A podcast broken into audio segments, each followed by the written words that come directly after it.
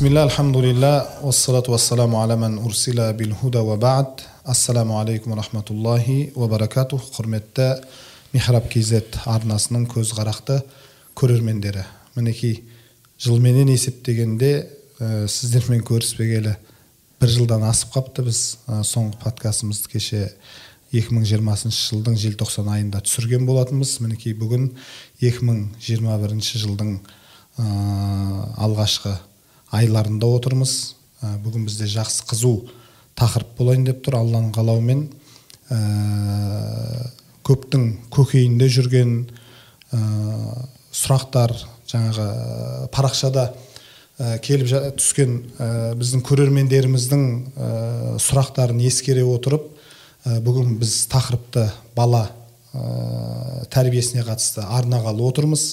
Сонымен бүгін бізде бұл тізгінді қолына ұстайтын қонақтарымыз бар. Ә, бірінші қонағымыз ол алматы қаласы қонаев ә, бабамыздың атындағы мешіттің бас имамы ә, рахматулла мейіржан имам келіп отыр. Қош келдіңіз мәке. Енді екінші қонағымызға келетін болсақ ә, педагог тренер ретінде танылып жүрген ескендір бестай бауырымыз қош келдіңіз есеке. Ассалаумағалейкум кеш жарық. Енді дайынсыздар ғой енді. Иншалла таяқ жерге тасталды енді бастаймыз иншалла. Бисмилля енді бұл ә, көп көбіміздің ә, үйімізде ә, жаңа ақсап тұрған мәселе ғой. Ә, қазіргі таңда мынау біздің ә, заманымызда бұл тақырып. Енді өзіңізден бастайық бірден кірісіп. Мәке сізге сұрақ ә, бала тәрбиесіне қатысты. Жалпы тақырыбымыз ислам және бала тәрбиесі. Ә, ұрпақ сүюдің діндегі маңыздылығы мен артықшылығы туралы айтып берсеңіз иншалла осыдан бастап. Бисмиллахи рахмани рахим альхамдулиллах уассалату уассаламу аля расулиллах ассаламу алейкум рахматуллахи баракату дұрыс айтасыз жәке бұл қазіргі қоғамдағы ең өзекті мәселелердің бірі деп айтсақ та болады. Ұрпақ тәрбиесі бала тәрбиесі. Өйткені бала деген бұл біздің болашағымыз ғой енді құдай қаласа. Енді әрбір нәрсенің бір хикметі бір сыры бір мақсаты болады. Сол сияқты мынау адам баласы мен не үшін дүниеге келдім? деген сұраққа біріншіден енді біз құлшылық жасау үшін дүниеге келдік деп айтамыз ғой. Сол жауаптардың ішінде мен осы нәрсені де қосқан болар едім. Жалпы адам баласының дүниеге келудегі мақсаты бірінші ада алла тағала құлшылық жасау болатын болса одан кейін өзінен кейін қалатын ұрпақты тәрбиелеу. Бұл негізгі маңызды мәселе. Өйткені алла тағала бізді әу бастан жер бетіне жаратқанда белгілі бір мақсаттармен өмір сүруді бұйырды. Өзінің бұйырған нәрсесін орындап тыйған нәрселерінен тыйылып белгілі бір алланың өзінің қойған заңдылықтарымен жүйесімен өмір сүруді бұйырды. Енді біз дәл осы нәрсені өзімізден кейінгі ұрпаққа үйрету біздің негізгі асыл борышымыз бұл. Мынау шариғатта мақасиду шариға деген ілім бар білесіз. Яғни шариғаттың келудегі мақсаты. Сол шариғаттың келудегі мақсатының ішінде ә, бір нәрсе бар. Бұл алла тағаланың мынау зина деген нәрсені харам етуі бар да. Сол зинаны харам етудің хикметін сыры негізін ә, былай деп түсіндіреді. Яғни дүниеге келетін бала ол өзінің тегін білу керек дейді. Осы жерден басталады да негізі ұрпақ тәрбиесі. Шыққан тегі шыққан тегін білу керек дейді. Ал енді текті білдіру үшін ол бала кәдімгідей алланың жолында некесі қиылған әке шешесі белгілі сондай бір өзінің тегі белгілі болып дүниеге келу керек дейді. Осы тек бұзылғандығы үшін осы текке зияны болғандығы үшін алла тағала зинаны харам етті дейді. Бұл жерде тікелей ұрпақтың болашағы жатыр негізінде. Осы мақсаттың түбіне қарап отырсаңыз міне сондықтан ұрпақ тәрбиесінің маңыздысы осы. Тағы да алла тағала адам баласын жаратқаннан кейін ә, біздің жүрегімізге жалпы ұрпаққа деген бір сүйіспеншілікті салып қойған. Оны кез келген жаратылыстан көруге болады да оны. Кейде жаңағы теледидардан бір фильмдерді көреміз. Анау жан жануар болсын ұшқан құс жорғалаған жануар барлығы өзінің жаңағы өзінің ұрпағына өзінің баласына бір мейірім төгіп тұрады да. Керек десеңіз қолтырауын мысалға қолтырауынның өзі былай қараған кезде өте бір жыртқыш жануар ғой. Түрі де бір суық. Сұсты. Сұсты сондай. Бірақ оның жаңағы өзінің ә,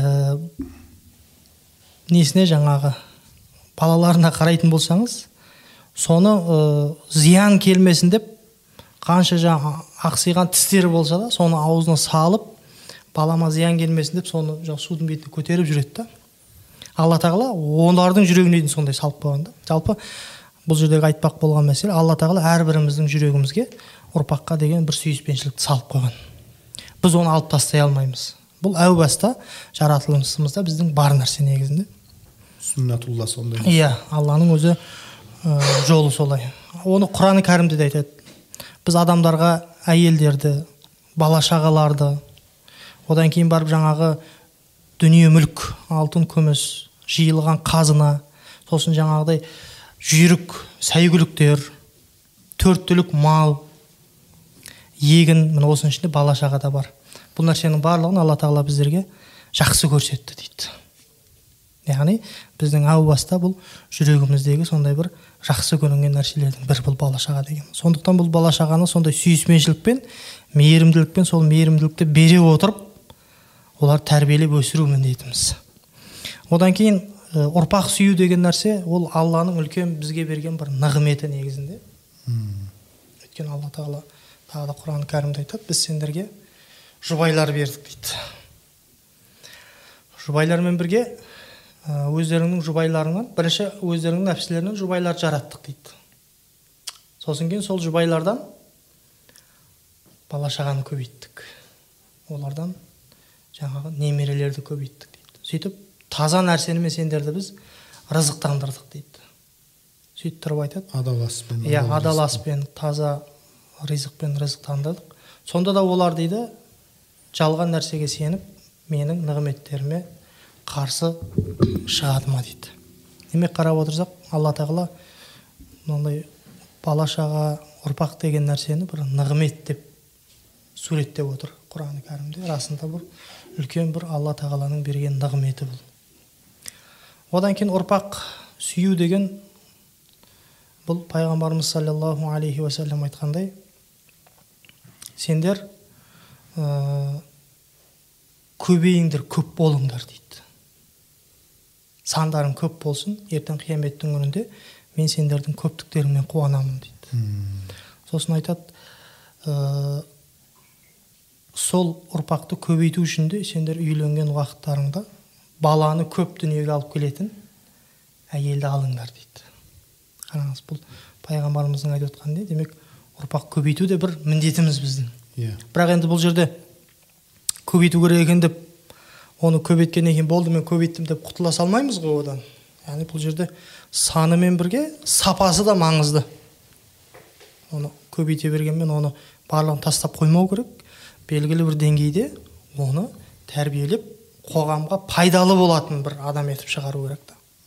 Баланы біз бұл күнге емес біздің болашағымызға қарай тәрбиелеу керек. Болашақта осы. басқа жаратылыстан сонысыменен ерекшеленіп Иә. келгіміз келіп тұр ғой сонда. Иә. Онда ол біздің жаңағыдай болашақ біздің жоқ кезімізге былайша айтқан кезде тәрбие беруіміз керек. Біздің өзіміздің жаңағы бірінші сол алланың қойған жүйесін дұрыстап ұстанғаннан кейін сол нәрсені қалай ұстау керектігін өзіміздің ұрпағымызға үйретіп соны ары қарай жалғау керек ұрпақ деген. Міне сол кезде ол ұрпақтың бір қадірі болады. Пайғамбарымыз бұл жерде көптігімен қуанам дегені көп болу керек әлі сапалы пайдалы болу керек. Ол ұрпақ көбейіп. Жемісті иә бірақ ертең ол жер бетінде азғыншылық шығарып тәрбие көрмей түрлі басқа жаман нәрселерге де себеп болып жатса ол пайғамбарымыздың айтып отқан бұл хадисіне біз кірмей қаламыз ол кезде. Сондықтан ә, пайғамбарымыздың ұрпақты көбейтіңдер дегені осы мағынада айтылған. Енді ұрпақ бір жағынан біз дүниеден өтіп кеткеннен кейін оның тағы да бізге пайдасы бар. Мысалға егер біз ұрпағымызға жақсы тәрбие бере білсек онда пайғамбарымыз алейхисалату вассалам бір хадисінде айтады бір адамның қиyaметте деңгейі былай жоғарылай береді өзінен өзі дейді. Сонда сұрайды екен одан неліктен менің өз өзінен сұрайды дейді неліктен менің дәрежем былай жоғарылап өзінен өзі көтеріп бара көтеріліп бара жатыр деп. Сонда оған айтады екен сенің жер бетіңде тәрбиелеп кеткен ұрпақтарың бар солар сен үшін алла тағаладан кешірім сұрап саған дұға жасап жатыр. Сен үшін алладан жақсылық сұрап жатыр. Сол үшін сенің деңгейің дәрежең көтеріліп жатыр деп айтады екен мінекей сондықтан маңызы да осы жерлерде. Яғни бүкіл сіздің баланы ұрпақты дүниеге алып келіп оны соңына дейін тәрбиелеу қай уақытта да болмасын сізге бір пайдасы тиіп тұратын үлкен бір нәрсе үлкен бір мәселе. Оның үстіне егер сәби күнінде жаңағы шетінеп кететін болса ол кезде шапағатшы да болады деп айтылады. Иә, иә. хадистерде иә құдай қаласа бұл сондай алла тағаланың рұқсатымен өзінің ата анасына соның күнәларын кешіру үшін бір шапағатшы болатын жағдайда болады екен ұрпақты мінекей осындай бір керемет жақсылықтары бар. яғни демек ә, ұрпақ сүю бұл нығмет. Яғни алла тағаланың берген нығметтерінің бірі. Ә, және де бұл некенің негізгі маңызды иә. көзі иә ұрпақ сүю. Енді ә, есеке мынандай жағдайлар қазір көп орын алады да қазіргі таңда ә, жастар үйленгеннен кейін балалы болуды жоспарламайды кейінге шегеріп жатады. Ә, тіпті кейбіреулер мүлдем болғанын қаламайды. Осының себебі неде және бұл қаншалық деңгейде проблема болып есептеледі? Қазіргі біз қазақ қоғамында ма? Иә. Бар ондайлар қазір ана бір қатты байқамаған екен да. Оның түрлі ана себеп нақты себептері мүмкін әлеуметтанушылардан сұрап көру керек шығар. Бірақ ә, мен керісінше андай бір затты байқап жатырмын да. Ә, балалардың дүниеге келуінде бір саналық дейміз ба қалай айтсақ болады. Яғни ә, әкенің мысалға соған ділдік тұрғыда моральды тұрғыда дайын болмауы. Әке атануға да. Әке болу деген ол андай бір биологиялық әке ғана атану емес қой.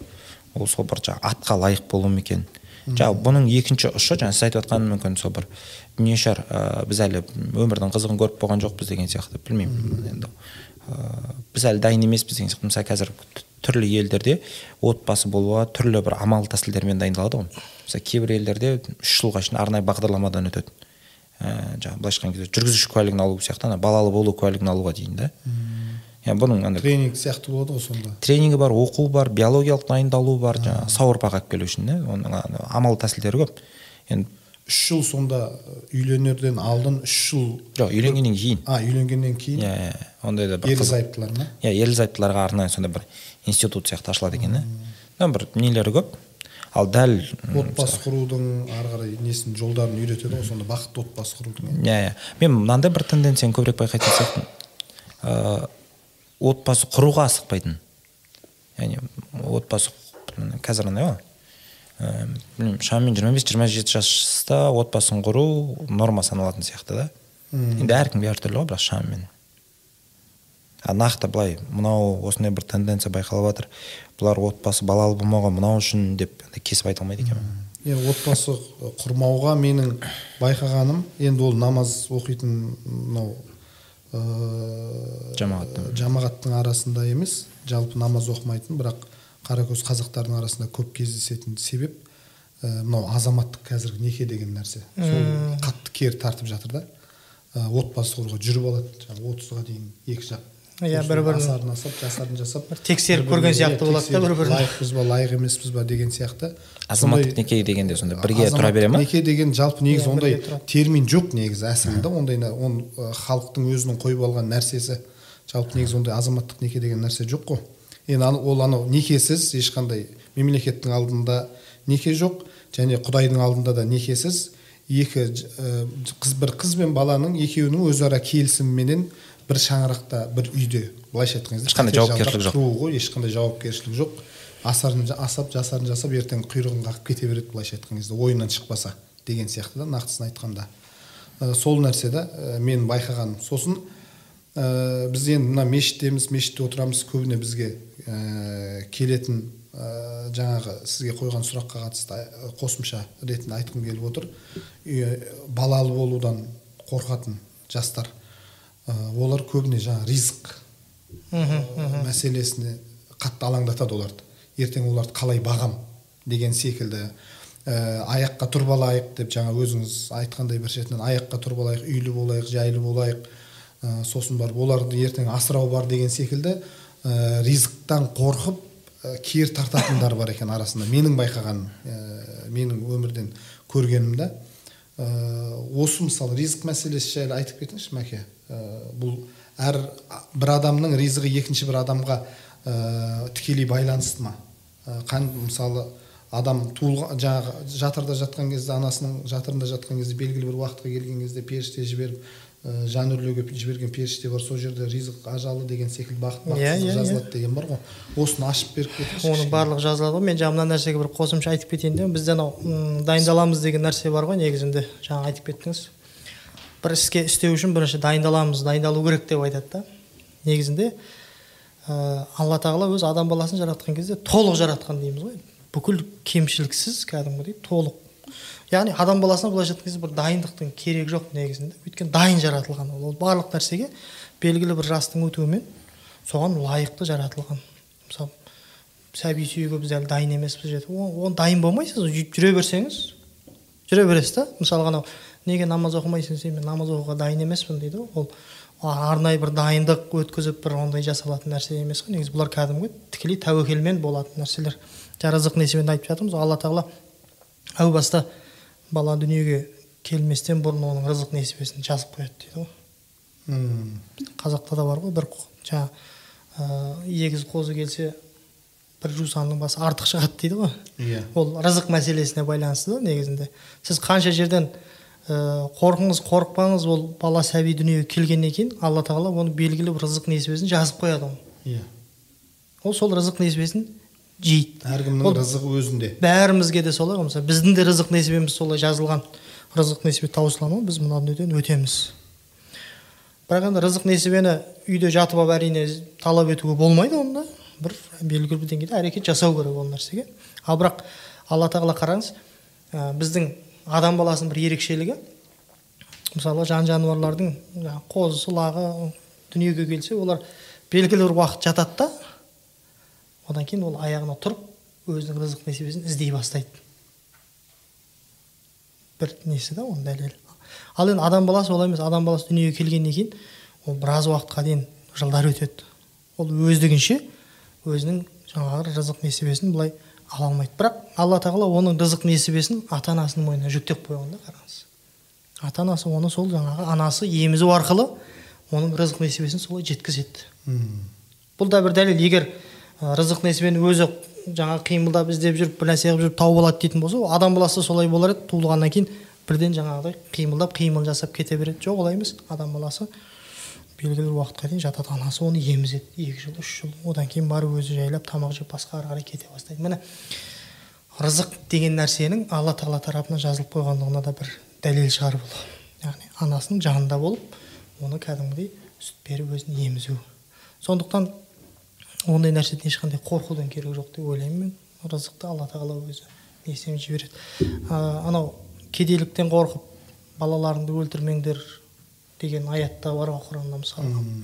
Кедейліктен деген сөз сол жаңағы рызық несібеден қорқып рызық несібе жетпей қалады деп ондай жаңағыдай баланың жанына қиянат жасауға болмайды негізінде олай. Немесе жаңа оны дүниеге алып келмеу деген сияқты нәрселер болмайды. Негізі жүйе бойынша алланың қойған заңы бойынша әрбір нәрсе белгілі бір уақытта орындалып отыру керек. Мысалы адам баласы дүниеге келіп үйленгеннен кейін ұрпақ дүниеге келу керек негізінде. Ол келмесе онда жүйе бұзылады да адам баласының бойында түрлі жаман нәрселер шыға бастайды. Содан негізі.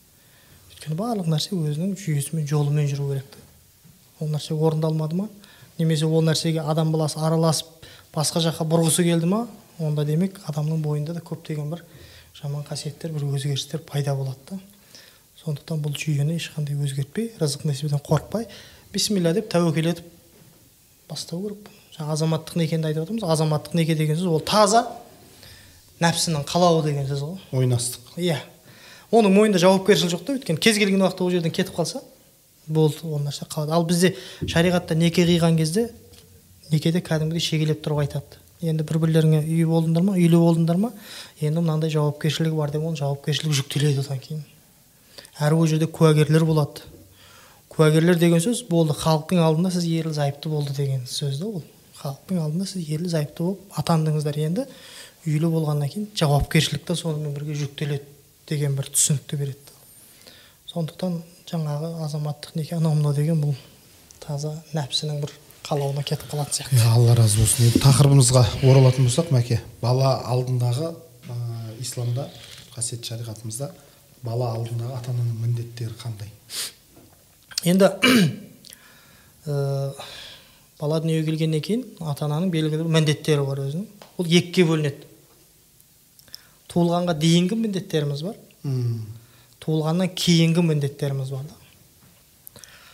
Туылғанға дейінгі дүниеге баланың сәбидің дүниеге келуіне дейінгі міндеттеріміздің ең біріншісі бұл мынау жар таңдаған кезде басталады дейді. Анасын таңдау дейсіз ғой. Сіз жар таңдап жүрген кезде айтасыз да мынау менің ертеңгі ұрпақтарыма ана бола алады деген бір қанағат болу керек та сол кезден басталады дейді. Демек көрдіңіз әу бастан сіз жарды таңдаған кезде оны да таңдаудағы мақсат не екен? Ұрпақты ойлау көрдіңіз ба? Ұрпақ негіз бәрібір. Ұрпақты ойлау. Сол үшін пайғамбарымыз айтады ғой көп баланы дүниеге алып келетін әйелдерді алыңдар деудің түпкі үйленудегі мақсаттың негізі де демек не? Ұрпақты дүниеге алып келу деген сөз ғой. Сонда міне ең бірінші балаға дүниеге келместен бұрын берілетін тәрбие осыдан басталады дейді. Бірінші жар таңдаудан басталады. Енді жақсы жар таңдап болғаннан кейін ә, мынау ұлы сөзде ұят жоқ дейді. Мынау шариғатымызда біздің әйел кісімен мынау етеккір кезінде жақындасуға болмайды деп айтады. Иә тыйым салынған. Тыйым салынған. Харам дейді ғой тыйым салынған. Оны қазіргі күнде медицинада айтады оны. ондай уақытта жақындауға болмайды деп. Неге өйткені сол уақытта бір м, әйел кісінің бойына бала бітетін болса онда ода неше түрлі денсаулығына байланысты бір мәселелер туындайды дейді ол жерде. Баланың денсаулығы жақсы болмайды дейді. Ол деген сөз ол ертең дүниеге келген күнде де жақсы бір нәтиже алып келе алмайтын бір ұрпақ болады да ол.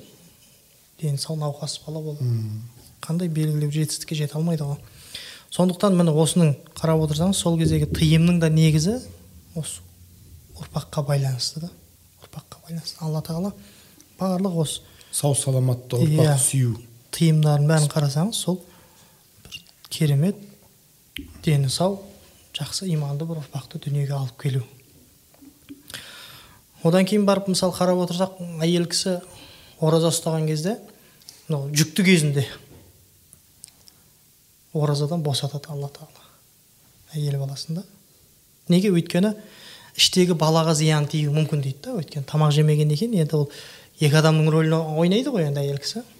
Сонда ораза кезде ол тамақ жемей жүрсе бәлки ол іштегі балаға зиян тиюі мүмкін деп. Алла тағала соны оразаны ұстаудан тыяды әйел баласы ораза ұстамайды. Ол кезде намаз оқуы мүмкін бірақ оразадан босатылады. Бұл да қарап отырсаңыз алла тағаланың ұрпақты бір салауатты керемет дені сау ұрпақты дүниеге алып келіп жатыр. Енді бұл ә, туылғанға дейінгі осындай міндеттеріміз бар біздердің. Ал енді дүниеге келгеннен кейін ол міндеттер көбейеді әрине біріншісі ата ананың міндеті баланың ең бірінші материалдық жағдайларын бәрін жасау. Әрине рухани да материалдық та екеуін де жағдайын жасайды. Бірақ материалдық жағдайын міндетті түрде жасау керек. Одан кейін тағы бір міндеті ә, балаға рухани бір тәрбие беру. Пайғамбарымыз вассаламның алдына сәбилерді алып келеді ғой жаңа дүниеге келген. Сәбилерді алып келген кезде пайғамбарымыз оған дұға жасайтын болған екен да. Дұға жасап соның бір салихалы керемет болуын қалап дұға жасайды. Сосын жаңағыдай аузына құрманың жаңағы түйірінен салат деген риуаяттар бар ғой. Міне бұл да сол тәрбиенің негізі негізінде. Баланы ең бірінші келген кезде бізде қазақта аузына түкіру деген нәрсе бар ғой. Аузына түкіру деген сөз ол кәдімгі тікелей мағынадағы түкіру емес енді олай түсінуге болмайды. Сол бала үшін жақсылап дұға жасайды. Үлкен кісілерге алып барып жатады. Аузына түкіріп беріңізші деп. Сонда жаңағы жасап батасын иә беру. тахник жаңағы біз пайғамбарымыздың сүннеті екен да бұл да қалған. Сол жаңағы балаға сол үлкен кісі дұға жасайды дейді. Бұл да сол ә, тәрбиенің бірі. Содан кейін тағы бір міндетіміз балаға жақсы ат қою. М, бұл да негізгі ата ананың міндеттері. Бала ертең өскеннен кейін ол аттан ұялмайтын болу керек. Ол қысылмайтын болу керек. Және сондай бір лайықты керемет бір үлкен мақсаттармен ат қойылады. Әйтпесе қазір неше түрлі аттар қаптап кетті ғой? Бізде мынандай бір түсінік бар. Ат қойған кезде жалпы ат басқалардан бір ерекше болып тұру керек.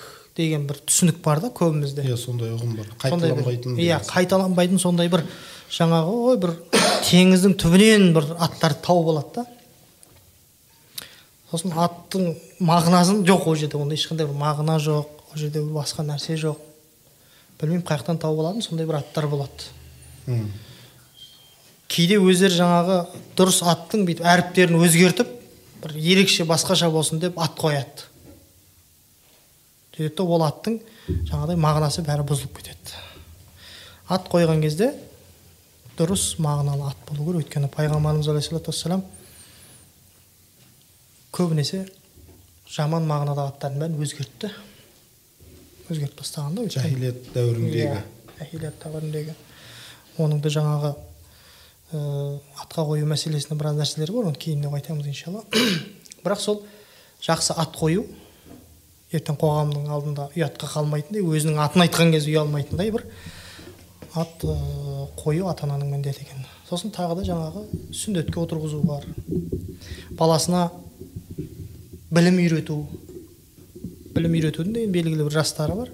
Кішкентай уақытында оған жаңағыдай ойнап басқа нәрселермен аз аздан үйретсе үлкейе бастап оған кәдімгідей шариғаттың негіздерін үйрету иманды үйрету салт дәстүрді үйрету.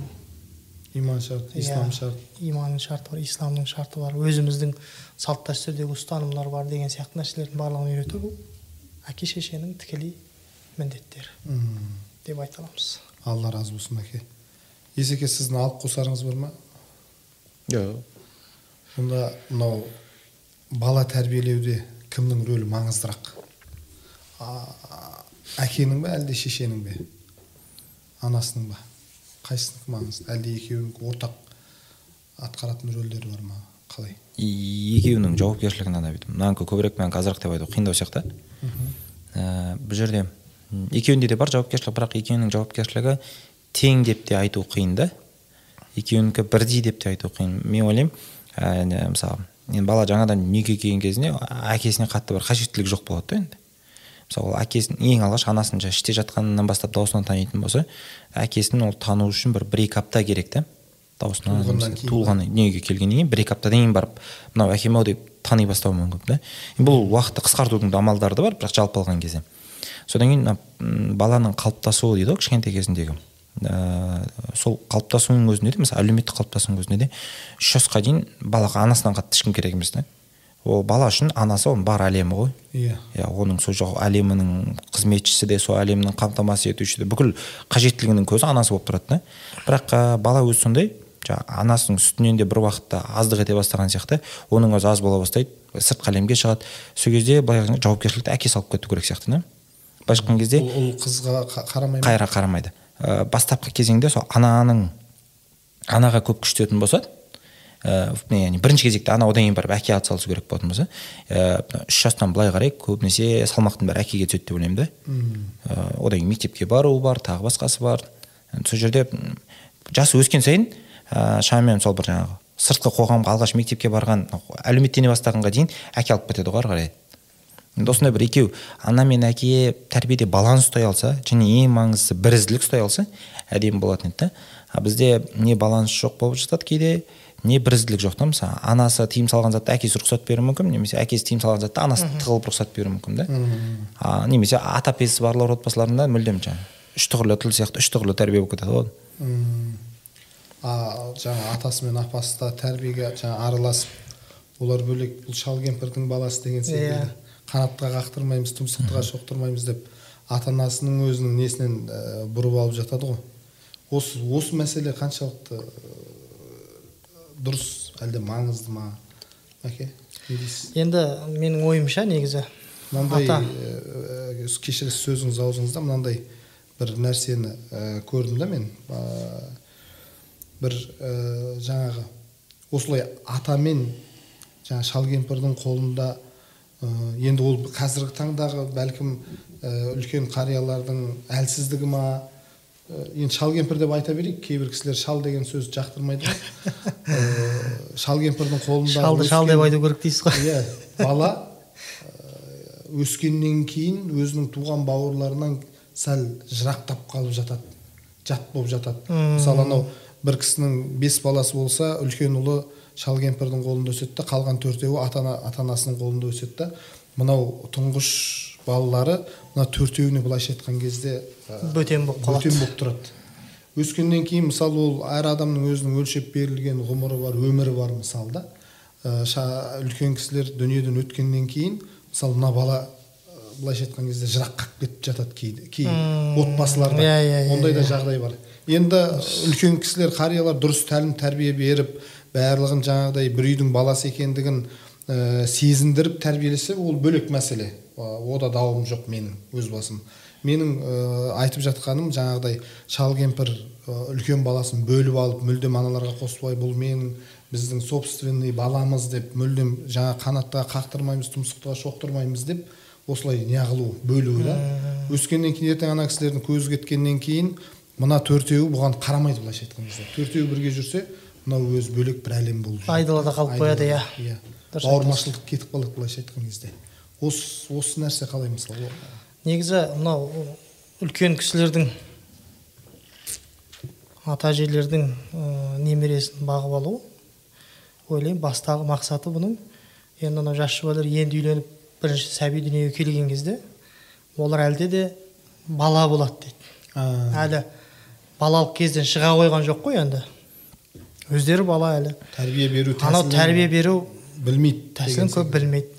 Сондықтан ата әжелер негізінде қарайтын болған тұңғыштарына бұл жерде негізі тұңғыштарына алады сөйтіп бірақ қараған кезде де енді жаңа өзіңіз айтып отырсыз ғой бұл жерде ә, оның берілетін нәрсені көлеммен беру керек та. Мынандай бүйтіп қоршап қоюға болмайды. Бұл біздің бала бітті бұған ешкімнің сөзі өтпейді. Бұл қателік істесе де бұ- бұнікі дұрыс.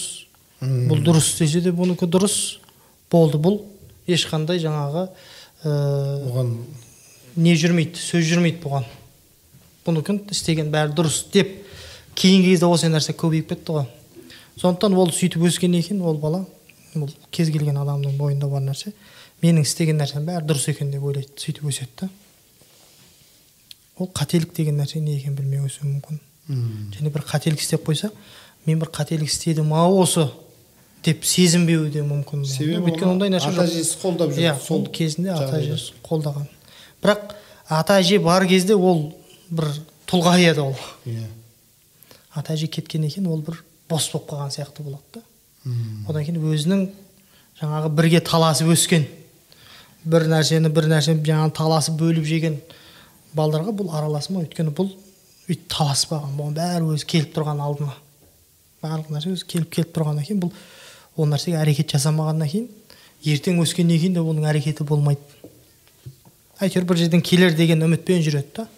Бұның сондай жағынан зияны бар. Сол үшін ата әжелер негізі бұны ойлау керек. Бірдей қылып тәрбиелеу керек та. Бір уақытта беру керек. Ол жақты да көру керек.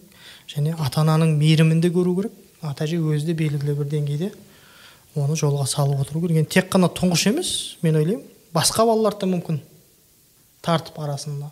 Екінші баланы алып үшінші баланы алып деген сияқты сөйтіп бір мүмкін солай бір нәрсе жасаған дұрыс болатын шығар деген алла разы болсын. деген есеке сіз педагог тренер ретінде не айтасыз осы мәселеге? Ана бір қалжыңдап тікелей эфирге шыққан кезде айтатыным бар. Егер осы мысалы қазақстанда атасының баласы деген анти атасының баласы деген бір қоғамдастыққа бір сондай ұйым болатын болса мен сөзсіз соның мүшесі болатын едім деп. Ә, неге өйткені мен ә, өзім атамның баласымын. Біз өзіміздің тұңғышымызды атасына бергенбіз. Былайша айтқан кезде екі ұрпақ қатарынан бір қателік істегенбіз ғой. Ә, бұл негізі баланың қалыптасуындағы үлкен ақауларға алып келетін дүние да. Мысалы қарапайым қарым қатынастың модельдері бар. Мысалы қазір біздің қоғамда ең бір құлдырап жатқан дүниелердің бірі да ол тіке вертикаль және көлденең қарым қатынас та. Енді көлденең қарым қатынас деген біздің дос жаранымыз жолдастарымыз болатын болса яғни біз сол қарым қатынас вертикальда ол біздің әке шешеміз ата әжеміз да. Енді осы вертикаль қалай құрылады яғни бала болады одан жоғары кім болады? Анасы болады әкесі болады одан кейін ата әжесі болады да.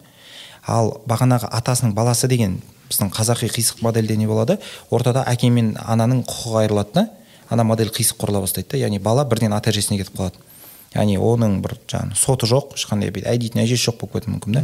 Жаңа сіздер айтып отқан бір сипаттар ол отбасымен араласа алмай қалу кейін жаңағы ата әжесі дүниеден өткен кезде бауырларымен сіңісе алмау ол бір ең жақсы сценарийлар шығар. Одан зор сценарийлары бір да бар мысалы әке шешесімен қарым қатынас құра алмайды қарапайым жақсы көремін деп айта алмайды деген сияқты. Яғни бала сол кішкентай кезінде көбінесе ата әже еркелетуге де тыйым салып тастайды ғой.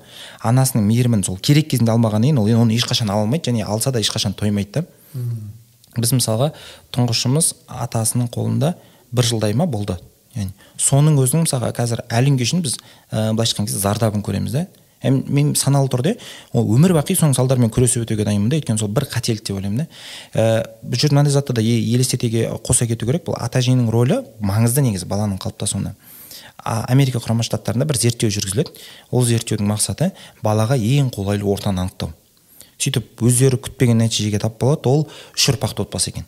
Яғни бала үш ұрпақты отбасыда өссе оның қалыптасуына ең бір қолайлы орта дейді ол үш, үш ұрпақ деген өзі әке шешесі және ата әжесі үшеуі бір үйде.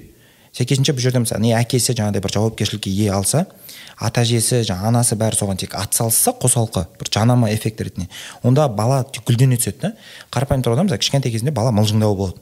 Тілі шыққан кезде мысалы екі жасқа жақын немесе одан асқан кезде сұрағы көбейе бастайды. Ал мында күйбең тірлікпен білмеймін кредитін қалай деп жабамын деп жүрген ата ана ана балаға көңіл бөлмейді да көбінесе. Бұл жерде ана ата әже мылжыңдау келгендіктен олармен ана мыжып отыра береді. Қарапайым тұрғыда баланың сөздік қорын көбейтеді. Ал сөздік қоры ертең баланың зияткерлік қабілетіне әсер етеді деген сияқты. А бағанағы форматтағыдай ата әже көлденең кіріп жаңағы өзінің ережесін құрып үйдегі жаңағы заңды бұзатын болса онда онда үнемі бір нұқсан келеді жағдай қиын. Иә бірінші кезекте проблема бұл жерде андай уақытша ата әже ұтады бір қуыршақ алғандай ыыы аналар да бір уақытша бір жауапкершіліктен құтылғандай ұтқандай болады бірақ бәрібір қалай тарапта да ұтылатын бала да. Уақыт өте келе ұтылғандығы белгілі болады иә олар уақыт өте ұтылғандығы білінеді бірақ бұл жерде ана тарап мүлдем ескерілмейтіндігі жаман да баланың тарапы. Бала бәрібір ұтылады да. Өйткені біз қандай болмасын бәрібір балаға бірінші кезекте ол сол керек анасы ғой анасының қарапайым жаңағы жүрегіндегі мейірімі махаббаты. Yeah. Иә. сол үшін қиындау деп ойлаймын ол алла разы болсын есеке. Әдемі жақсы жауап болды. Енді ә, мәке баланы тәрбиелеуде қасиетті шариғатымызда мына асыл дінімізде қандай қағидаттар бар? Енді баланың тәрбиесінде шариғатымызда жалпы көп қой негізінде. Қағидаттар ережелер. Ең бірінші біз бұл нәрсенің бәрін алланың қасиетті кәләмі құраннан іздейміз құраннан көреміз. Және пайғамбарымыз саллаллаху алейхи вассаламның хадистерінен қарауға болады және өзіміздің дана халқымыздың біздердің балалардың қалай тәрбиелеу жолдарын сол жақтан көруге болады енді. Негізі шариғаттағы ең бірінші балаға үйретілетін нәрсе мынау құлағына азан айтып ат қою дейді ғой. Бізде сондай нәрсе бар ғой бала дүниеге келген кезде азан айтып ат қою керек балаға дейді.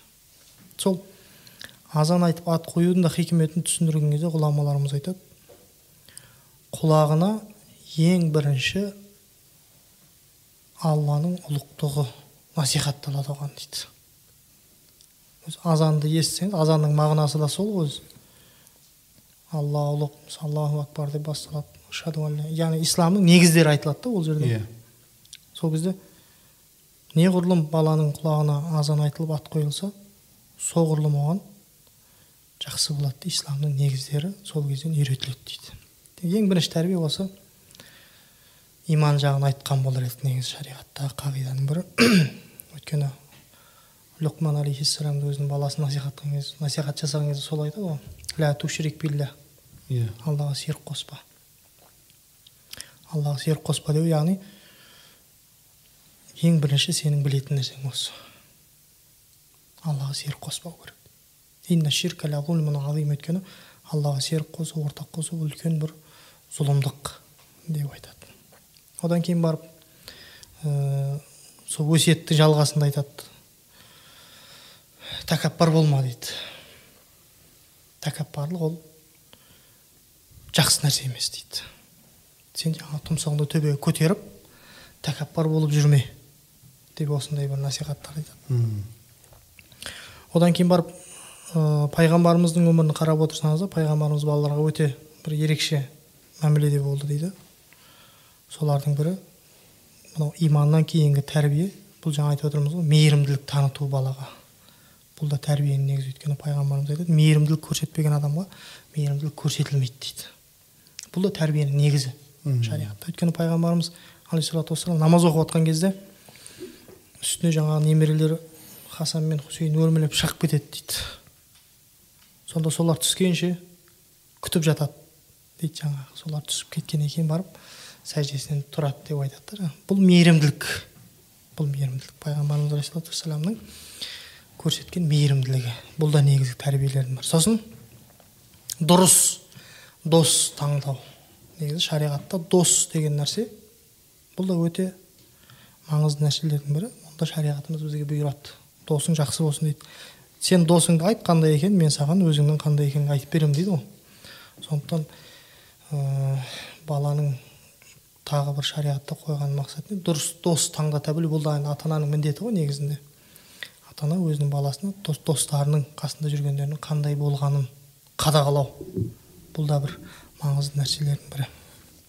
Одан кейін ә, өтірік өтірікке үйретпеу баланы бұл да негізі мынау өз заманында бір кішкентай нәрсе болып көрінуі мүмкін.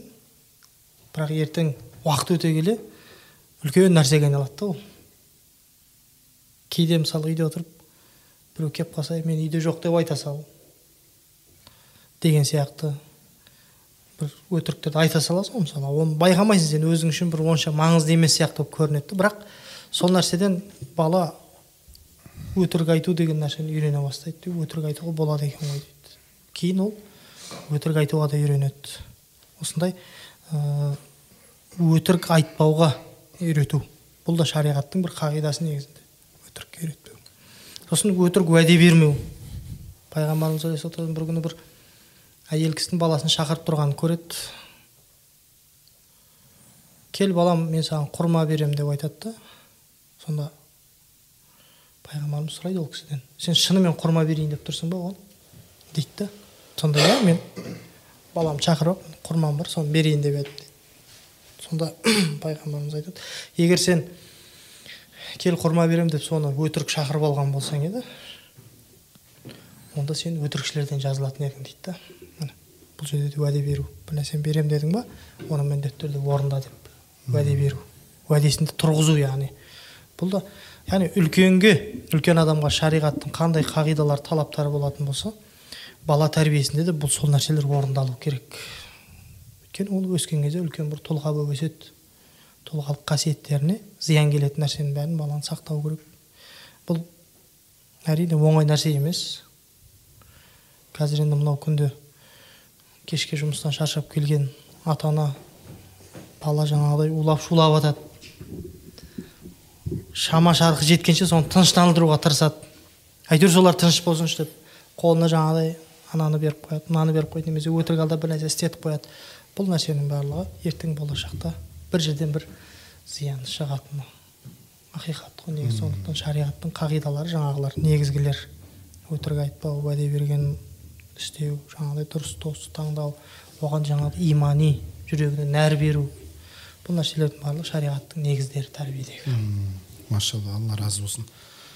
Ә, есеке енді мынау тәрбие жөнінде болып жатыр ғой.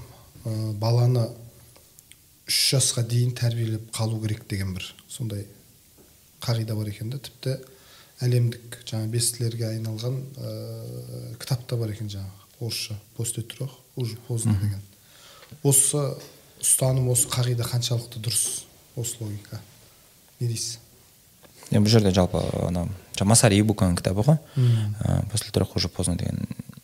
Оның түбінде не жатыр содан бастап көрейік иә бұл ол кісінің кітабын ақтап жатқан жоқ. Немесе ол кісінің кітабы дұрыс деп жатқан жоқ та.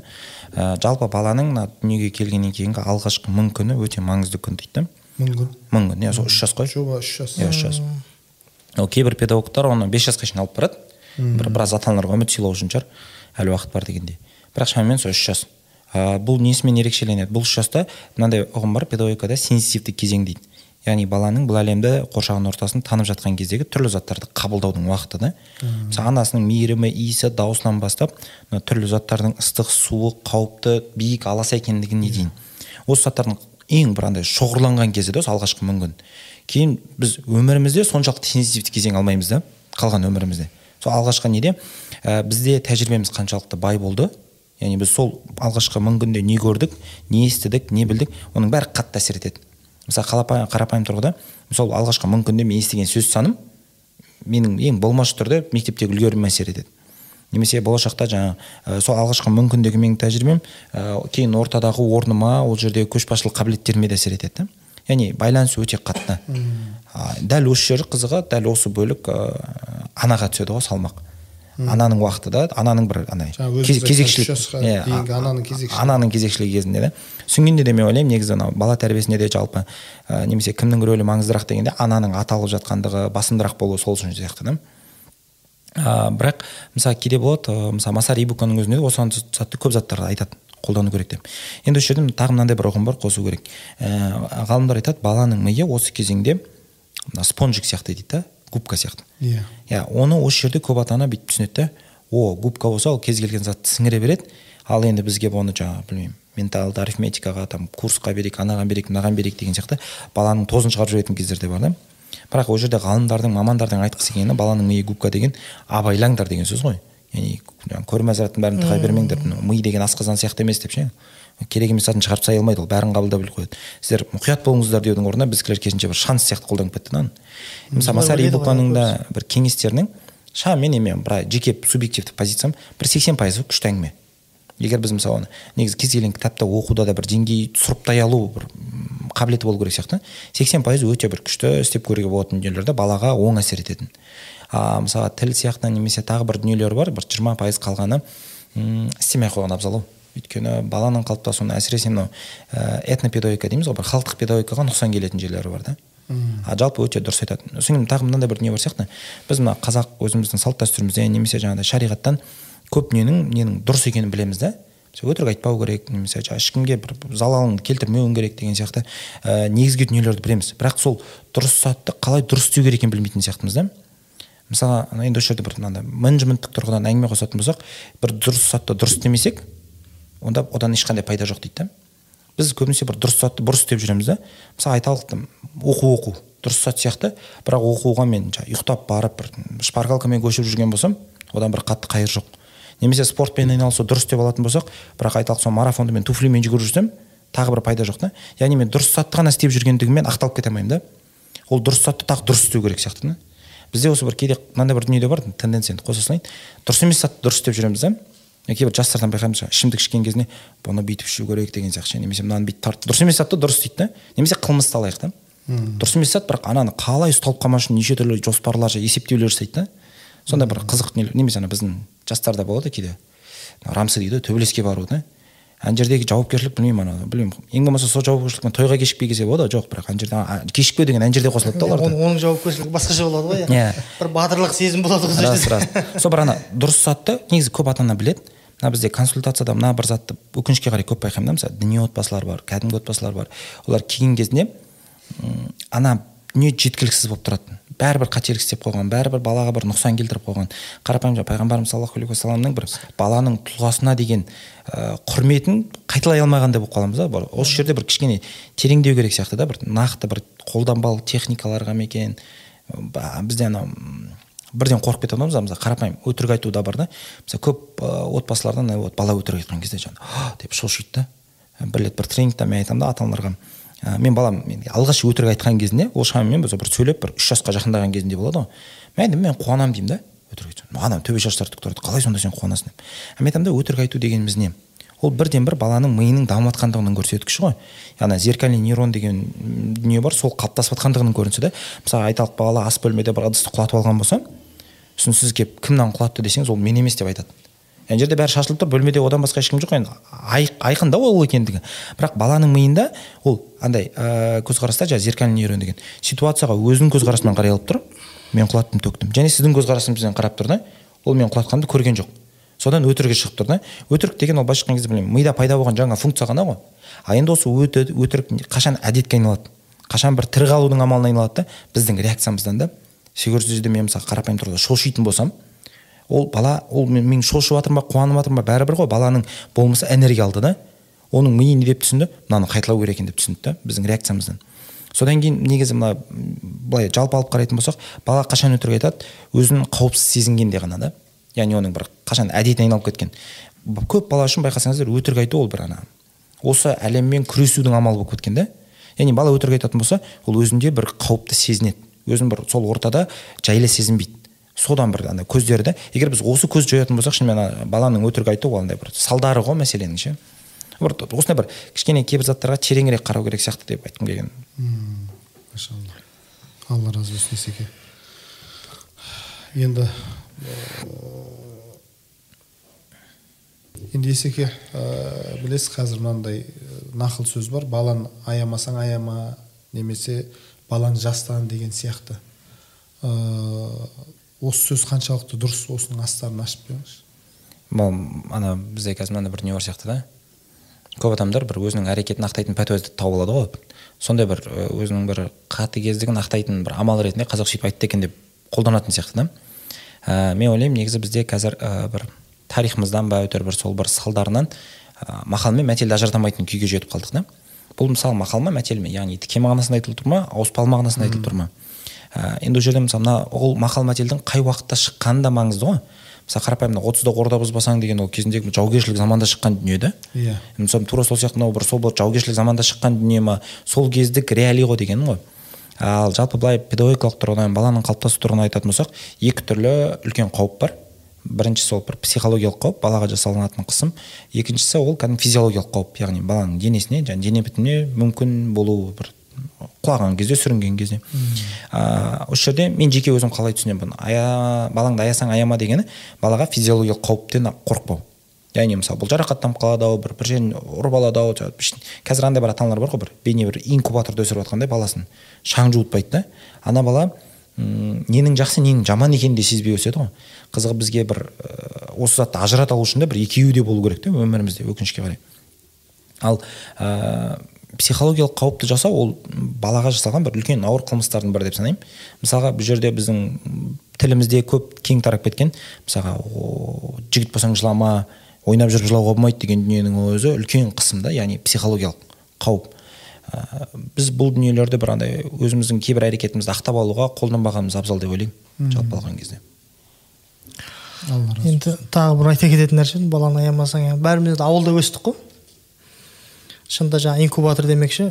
Біз енді ауылда өскеннен кейін бізді ешкім инкубаторда ұстап жатқан жоқ қой біз кәдімгі таңертең шығып кетесің жалаң аяқ үстінде киім болса болды болмаса ол да жоқ. Кешке дейін сонымен жүре бересің. Аяқ киім сонау жалаң аяқ жүре бергеннен кейін аяқ киім де өзі кейін керек болмай қалады ғой. Табан соншалықты қатты болып кетеді да. Анау мынау нәрсе әсер етпейді оған. Кейде енді бала шағаны ауылға апарамыз да. Сосын бір жалаң аяқ жүрсінші енді деп жібереміз ғой жаңағы. Ол жалаң аяқ бір үш қадам төрт қадам аттайды да одан ары қарай жүре алмайды уже. Әбден ол аяқ киіммен үйренген да. Содан кейін бізде енді анау топырақ пен адамның арасында байланыс бар деп үйреткен ғой бізде соны. Топырақ кез келген нәрсені емдейді. Адам топыраққа жақын болу керек деп. Yeah. Иә. бір жерің жара болса да топырақпен жаңағы себе салады басқа қылады сөйтіп. Негізінде бұл нәрсенің де көп пайдасы бар екен да шынында. Енді баланы аямасаң аяма деген мүмкін осы тұрғыдан айтылған шығар жаңағыдай бүйтіп баланы қатты оны бүйтіп шектей бергенде зиян да ол да бізде ана бір бала өмірдің мәні болып кетеді ғой. Онсыз бір өмір бұлыңғыр сияқты содан бір ана бұған ештеңке болып қалмасыншы деп. Иә. Yeah. ана жаяу жүруге қатысты бір зат айтайыншы. Мысалы педагогтар мынандай бір қызық тенденция бар. Ә, мысалы сухомлинский деген педагогты алатын болсақ ол кісі бала мектепке баратын жылдың бір жыл алдын үйлеріне барып балаларды қарайды. Қарапайым тұрғыда жалаң аяқ жүрме бала деп ше? Жалаң аяқ жүру керек дейді да ол. Жалаң аяқ жүрмесе қарапайым тұрғыда денсаулығы нашар болады. А денсаулығы нашар бала қалай сабақ оқиды дейді. Ата аналарына нұсқаулық бар еді мына бала ана жермен байланысқа түссін дегендей. А бізде ол бір андай бір біртүрлі көрініс қой бала жалаң аяқ жүретін болса. Сосын бізде мысалы екінші ұлымызда мынандай бір не болды да жаңағы майтабандық дейді ғой. Плоскостопияның бір түрі. Сосын дәрігерден сұраймыз ғой не себепті? Жалаң аяқ жүрмегеннен дейді. Яғни мына табан түрлі түсті мынандай бір тегіс жерде ғана жүреді ғой біздің кезде қаланың өмірінің бір салдары. Анау баланың физиологиялық тұрғыда баспағаннан иә, кейін. кері әсер етіп жатыр екен да осы жерде мынандай бір түйін жасасақ болатын сияқты. Физиологиялық қауіп енді әрине өзінің межесінде баланы қалыптастырады баланы пісіреді да қарапайым біздің кішкентай кезімізде жаңағы тайға міну болсын енді қауіпті бір әрекеттердің бірі ғой. Немесе кішкентай кезімізде талға шығу ағашқа шығу болсын да. А қазіргі балалардың басым көпшілігі оны істемейді да. Ал ә, психологиялық қауіп онда біз керісінше бізді сындырады да. Осы жерде бағана бала әке мен баланың ойынын айта салатын болсақ байқасақ ана баламен қалай ойнайды? Ә, ана баламен ойнаған кезде психологиялық қауіп та жоқ физиологиялық қауіп та жоқ та. Бала сондай бір ана әлпештеп олардың ойыны бір сондай ә, сабырлы күйде көп сөзбен өтеді. Әкенің ойыны өте қысқа болуы мүмкін. Оның бір ерекшеліктерінің бірі сол жерде сөз болмайды да жаңағы өңкей а о деген одағайлар болады. Жестко деп қойсаңшы. Иә, сезімнің көрінісі болады. Бала бір ана психологиялық қауіпті де алып жатады физиологиялық қауіпті де алып жатады да яғни мен бұл жерде айтқым келіп тұрған егер ана мен бала осы баламен уақыт өткіз ана мен әке баламен уақыт өткізуінде бір сондай үйлесім ұстай алса бала екеуін де алатын сияқты да. Ананың психологиялық қауіпсіздігінде әкенің физиологиялық қауіпінде да сол кезде бір баланың қалыптасуында бір үйлесім бола ма деймін да. Да бір қызық жағдай есіме түсіп кетті. Астанада тұрамыз ол кезде. Кетіп бара жатырмын. Бір кішкентай бала ба- үш баспалдаққа шығып алған да секірейін деп тұр да. Жаңағы әке ана деп шақырады. Әкесі мен анасы біраз жерде сөйлесіп тұр екен да. Екеуі де жалт қарады бірақ анасы қорқып қарады да анаған бүйтіп. Бірдеңе болып қалады екен деп ә. әкесі андай ана үмітпен қарады да секір секір деп ше екеуінің ситуацияны қабылдауы да екі түрлі да. Баяғыда есімде мен нағашы әжем өз балалар көп қайтыс болды да сосын. Енді немеренің ішінде мен солардың қолында өстім да сосын мені бүйтіп әлпештеп өсіреді. Қалған немерелерін де сөйтіп қатты жаңағы әлпештеп өсіретін еді да сосын сонда айтатын. Сосын баланы әлпештей берген сайын не болады ғой? Аурушаң болады ғой жаңағы сәл жел гу ете қалса болды ауырып қала береді да. Сонда айтады мына көршінің балалары деген қысы жазы тыржалаңаш жүре береді дейді да көшеде жаңағы осылар ауырмайды. Баланы бүйтіп неғылған сайын ауыра береді деп жаңағы соны айтатын еді Иә, да сөйтіп иә. шынында солай ғой жаңағы жан жақтан бүйтіп қоршай берсең баланы ештеңе тимесін дей берсең бала керісінше әлжуаз болып әлжуаз болып қалады екен да. Өз еркімен жіберсең жаңағы қалалық өмірдің минустарын айтсақ. Иә. Мысалы осы жерде ана бір дүние де бар да мысалы қазір баланың қалыптасуында. Қалалық өмірдің жаңағы пәтердің қарапайым ауасының алмаспауының дүниелерінің баланың қалыптасуында иә. кері тұстары көп та. Бірақ ана бір кері тұсы қазіргі ата аналарға бір ең бір ойланатын заттың бірі сияқты. Неге өйткені бізде қазір мынау өзгерістің жылдамдығы артқан сайын көп дүние өзгеріп жатыр. Оның үстінде отбасы институты өзгеріп жатыр. Ә, мысалы қазіргі әке шешелер мысалы қазіргі ұрпақ өзінің әке шешесін қандай болса да сыйлайды өйткені бірақ бір институт бар ұят болады деген. А қазір ол ұят болады қайдан шықты? Ауылда бәрін бірін таныспен мынандай бір білмеймін бір ұжымда өскеннен кейін да сол институт адамға әсер етеді жұмыс істейді. А қазіргі балалар қарапайым пәтерде қамалған көршісінің өзімен араласпайды яғни ешқандай жауапкершілік сезінбейді. Сәйкесінше оларға ұят болады деген фактор әсер етпейді да. Ондай не жоқ институт жоқ оларда. А, бұл бізге қандай белгі болу керек деп ойлаймын да қазіргі ата аналарға егер біз қазір балаларымызбен қарым қатынас құрып үлгермесек байланыс жасап үлгермесек олардың өмірінде бір орны бар авторитеті бар ә, элемент болып үлгермесек онда мүмкін өкінішке қарай баратын жеріміз сол қарттар үйі болып қалады ғой. Өйткені олар ешқандай институт шектемейді да. Негізі қалалық өмір демекші енді айтып жатырмыз ғой баланы тәрбие негізі ең бірінші мәселе бұл ата ананың бір біріне деген қарым қатынасы ғой негізі баланың жүрегіндегі тәрбиені қалыптастыратын нәрсе. Бұл әке шешенің бір бірімен қарым қатынасы да. Анау баланы тәрбиелеуден бұрын бір өз өзің тәрбиеле дейді ғой. Біз үлгіміз да негізінде. Ол кез келген бала үшін ата анасы бір үлкен бір армандап тұратын нәрсе болады ғой. Солардың әрбір сөзі айтқан ісі. Көбіне естіген емес көрген істейді иә көрген нәрсесін істейді да. Сондықтан әке шеше бұл жерде бір бірімен өте саяси болса да сондай нәрселерді істеу керек сияқты да. Өте өте күшті иә, кейбір кемшіліктерін олардың көзінше емес бірақ олардың алдында болған кезде кейбір нәрселерді білдірмей деген сияқты. Иә. ә, бала үшін бұл нәрселерді негізі тәрбие үшін жасау керек сияқты. Бірінші адам негізі өз өзін тәрбиелеу керек та. Әке шеше дұрыс бағдар беріп дұрыс жүретін болса өйткені алла тағала бізге кәдімгі аппақ парақ қылып берді ғой негізі. Тап таза да ол. Не жазсаңыз да жаза беріңіз. Ертең өсіп кеткеннен кейін егер бір нәрсе істеп жатсаң онда өзіңізден көресіз да өйткені солай жасап шыққан. Алыстан іздеме дейсіз. иә алыстан іздеудің керегі жоқ та. Сондықтан қазір тек қана тәрбиеге үңілген кезде біз баланы қалай тәрбиелеу керек деген нәрсеге көп кіріп кетеміз да. Бірінші сол нәрседен шығып мен өзімді қалай тәрбиелеймін осыларға қалай үлгі боламын деп ол нәрсеге де бір көңіл бөлген дұрыс сияқты негізінде. Орынды өте орынды. Иә, өйткені. Жаңа бір зат қоссам болады ма? Кешіріңіз анау бізде ата ана клубы деген бар еді да. А, сол жерде бірде біз тақырып көтердік қарым қатынас ерлі зайыптылар арасындағы қарым қатынас деп. Сол кезде кейбір кісілер шулап отыр біз бала тәрбиесі деп келдік ол ерлі зайыптың арасындағы қарым қатынастың не қатысы бар деген сияқты. Ә, мәселе неде? Мәселе бағана сіз айтып ә, мына выготский деген баланың ерте жастағы дамуын қалыптасуын зерттеген маман бүйтіп айтады да. Поведение ребенка это проявление отношения родителей дейді да. Яғни баланың болмысы әрекеті ол ата ананың қарым қатынасының айнасы дейді. Мә шынымен де біз осы бір дүниені ескермесек мына кейбір кезде мынандай бір дүние бар. Ә, әлі отбасын құрмаған ер адам немесе әйел адам бір өзінше дайындалып жүреді жаңағы болашақ отбасылық өмірге. Сөйтіп ол не істейді жаңағы педагогиканы оқи бастайды немесе осындай бір жаңағы педагогикалық бала тәрбиесіндегі мәселелерді қарайды да. Мен айтамын да ол андай ә, мінсіз ата ана деген кім? Әлі әлі ата ана болмаған адам ғой. Мен айтамын сен қазір бәрі мінсіз ата анасың сен оны оқығанша қазір бар күшіңді фокусыңды қарым қатынас құруға жұмсасаң вот ең үлкен инвестиция осы деймін да. Ертең Иә, бұл иә. жақсы білмеймін жаңағы пайдалы әке пайдалы ана болуға да. Соны өте бір андай бір құптайтын дүние шынымен м, алла разы болсын. Енді жаңа баланы аямасаң аяма дедік қой. Осы бала тәрбиесінде жалпы ә, баланы ұрып соғуға қатысты қасиетті шариғатымыз не дейді? Ұрып соғуға бола ма? Болса қай жастан? Қаншалық деңгейде деген секілді. Енді жалпы ата ананың баланы ұруы да негізі ол да бір мейірімділік дейді ғой. Ешкім енді баласын жаман болсын деп болмайды ғой. Бірақ м, бірінші мына мейірімділік деген нәрсені баладан алып қоймау керек та ең бірінші біздің ұрпаққа беретін нәрсеміз бұл мейірімділік. Осы мейірімділікпен сусындап өседі бала деген. Ата ананың сүйіспеншілігімен соның нәрімен өседі.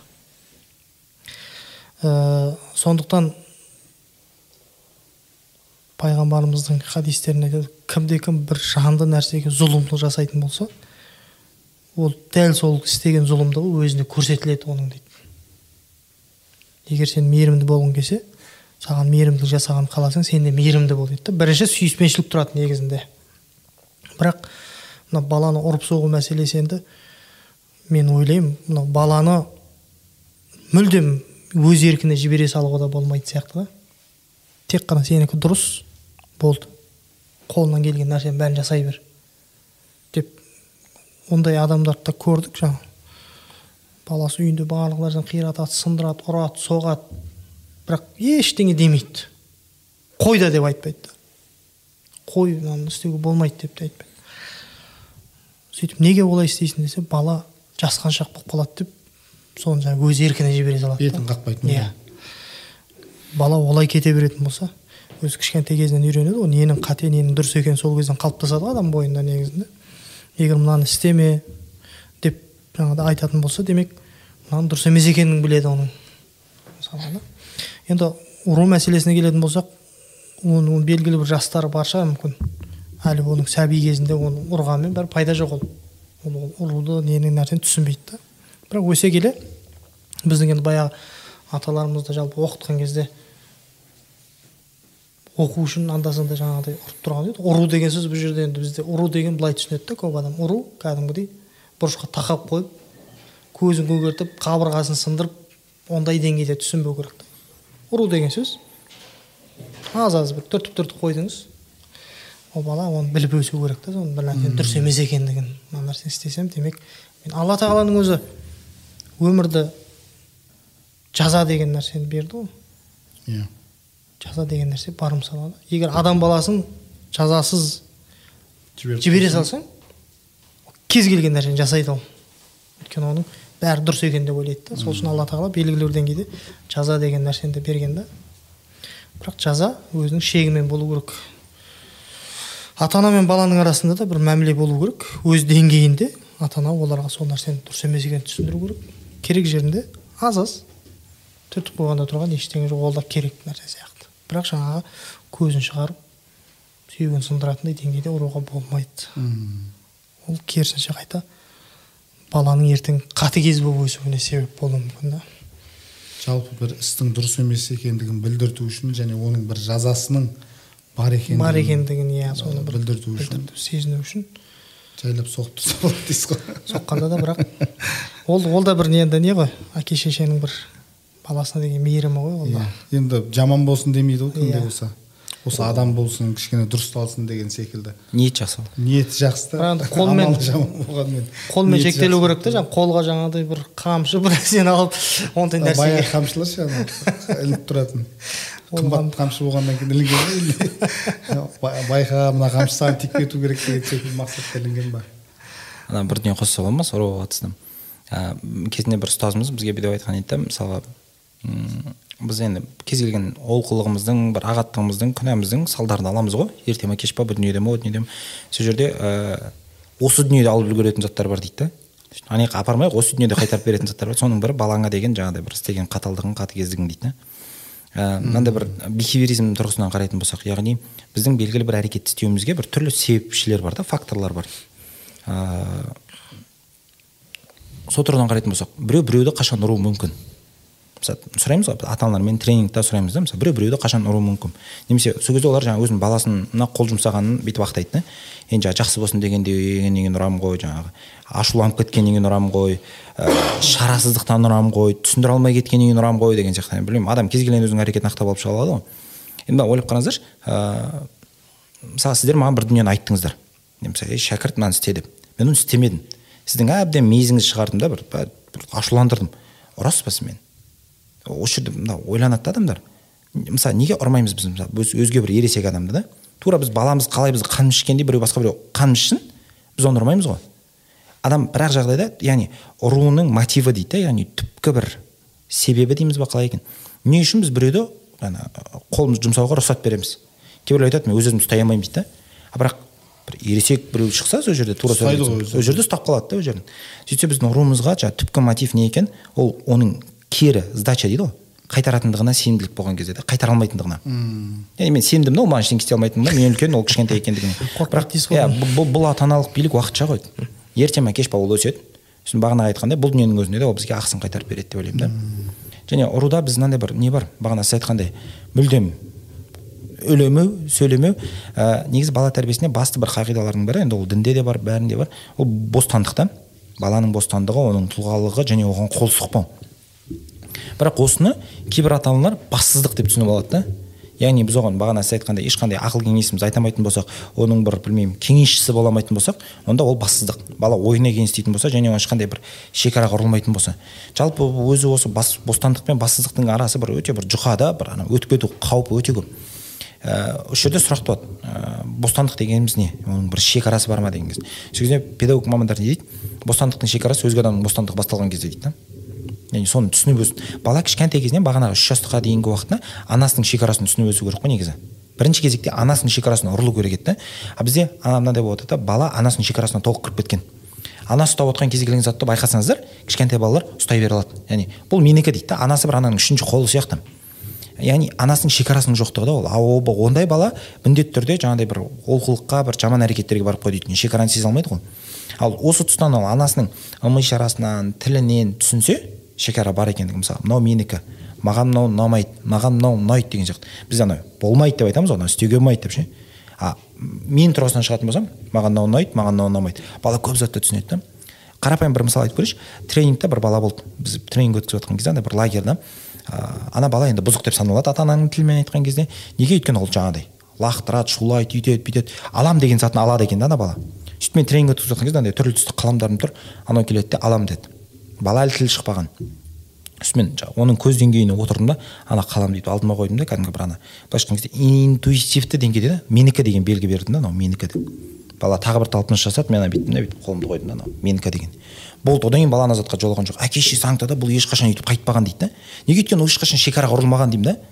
А осы жерде ата аналардың мынандай проблема туады а мен не қалаймын деген сұрақ туады сонда бір ана м, өздері не қалайтынын білмегеннен кейін оның балаға нұқсаны келетін сияқты да осы сосын ұру шығады жаңағы түрлі бір сондай бір. Біз жақсы ата ана болуға тырысамыз да қой үйтпейін деп жаңағы ұстап жүреміз ғой. А сезім ол ешқаяққа кетпейді. Іштей жинала береді. Бір күні жанартау сияқты атылған кезде жаңағы ой жібереміз да сосын мынандай бір күшті зат айтамыз. Мен сені адам болсын деп ұрып жатырмын мен сені жақсы көргеннен істеп жатырмын деп ше? Сөйтеміз ғой иә. Соңынан ақталамыз ғой иә бір рұқсат болса осы жерде бір мынандай маңызды ұғым бар. Біз ә, сезім мен эмоцияны ажыратпаймыз. Негізі былай да логикада бір ситуация орын алады ол ситуация бізде эмоция тудырады ол эмоцияны біз өткен тәжірибемізге білімімізге қарай сезімге айналдырамыз да. Мысалға ә, көп адам осы жерде былай қателеседі екен да ә, жақсы көру мен жек көру антоним деп ше. Екеуі бір біріне қарама қайшы деп. А негізі екеуі антоним емес қой. Екеуі махаббат деген эмоцияның екі түрлі көрінісі да. Мысалы менің жүрегімде алла берген махаббат бар бірақ ол махаббат жеткіліксіз. Ол махаббат менің тәжірибеммен менің біліміммен жақсы көруге айналу керек еді да яғни бір көркем мінезділікке. Егер мен осыны басқара алмасам ол жек көруге айналады да. Ол бәрібір де махаббат. Махаббаттың антонимі ол немқұрайлылық та? Күл болмасаң бүл бол не істесең о ғой деген сезім күй ғой. А мына жерде мысалы қойыңызшы бағанағы мен балаға деген махаббатым бар оның бір әрекеті қарапайым білем бір араласқан ортасы бір боқтап қойған бір сөзі ұнамай қалды да. Мен оны жаңағы салып жібердім немесе ұрыстым ол жек көрініс күйінде көрініс тауып жатыр бірақ бәрібір махаббат та. Яғни мен ол жерде бүйтіп ойлаймын да мен сені жақсы көргеннен ұрып жатырмын деп айтпауымыз керек біз жақсы көре алмағаннан кейін ұрып жатырмын деп айту керек сияқтымыз да өйткені шын ана дұрыс айтылуы сол ғой. Яғни жек көріп қойып жатқанымыз ол біздің ана бір деңгейге көтеріле алмауымыз да осы жерде бір қызық дүние бар бізге ә, жек көру үшін яғни бізге берілген эмоцияларды сезімге дұрыс емес айналдыру үшін ештеңе керек емес ше ол бір үйреніп керек емес бір өзі табиғи жүре беретін сияқты тіпті бала дүниеге келген кезде жылау үшін оған ештеңе керек емес та а бірақ тура сол бала күліп үйрену үшін кемі алты айлық қолайлы орта керек дейді да жымиып үйрену үшін дүниеге келген бала тура сол сияқты бізге бағана махаббатты жақсы көруге айналдырып үйрену үшін кәдімгі күш керек екен да кәдімгі күш салу керек жұмсау керек. Мынандай бір рұқсат етсеңіздер бір тәжірибені айтайын. Тренинг өтіп жатқан кезде ата әжелер әке шешені бірін біріне біріктіріп қоямыз жаңағы жұп қылып. Сөйтіп тапсырма береміз. Біреуі жаңағы тәрбиеші болады біреуі бала болады. Сөйтіп андай тәрбиеші болыңыз дейміз да жаңағыдай өміріңізде бір көрген ең мейірімді ең бір көркем мінезді. Ана балаға қамқорлығыңызды жасау керексіз да сөйтіп үш минут па уақыт берілуі мүмкін. Мысалы ана ата аналар не істерін білмей кетеді ғой. Ана байғұстың басын сипай береді сипай береді арқасынан. Бірақ басқа дым істей алмайды да білмейді да көркем мінезділікті жаңағы мейірімді қалай шығару керек енді тура сол ата тапсырма береміз. Енді үш минут жаңағы ең бір жауыз тәрбиеші бол дейміз ғой. Шығармашылықта шек жоқ қой ана жерде ше. Ұрады соғады салып қалады тіпті мына жақта басқа біреудің жұбын ұрып үлгеріп жатады ше. Сонда бізге ана бір білмеймін бір жаман дүниені шығарып тастау үшін бір үлгі керек емес ешқандай. А керісінше бағана бір әдемілікті бір сондай бір ыыы мейірімділікті үйрену үшін керісінше бағана біз сусындайтын көп үлгі өнегелер көп болу керек сияқты да кішкентай кезімізден.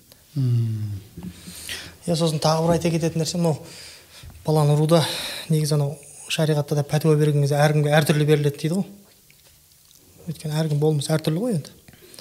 Сол сияқты негізі кей кезде ұрып тұратын балдар да болады.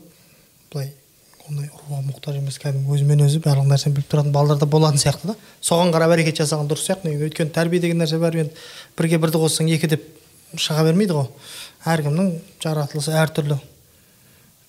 Кейбір балдар бар мысалы оны ұратын болсаңыз ол оны кәдімгідей ішіне қабылдап қалып ол сол нәрсемен өсуі мүмкін ертең. Ішіне жаңағы нәрсені түйіп. Біреулер бар қанша оны ұрып соғып жатсаңыз да оған бәрібір да.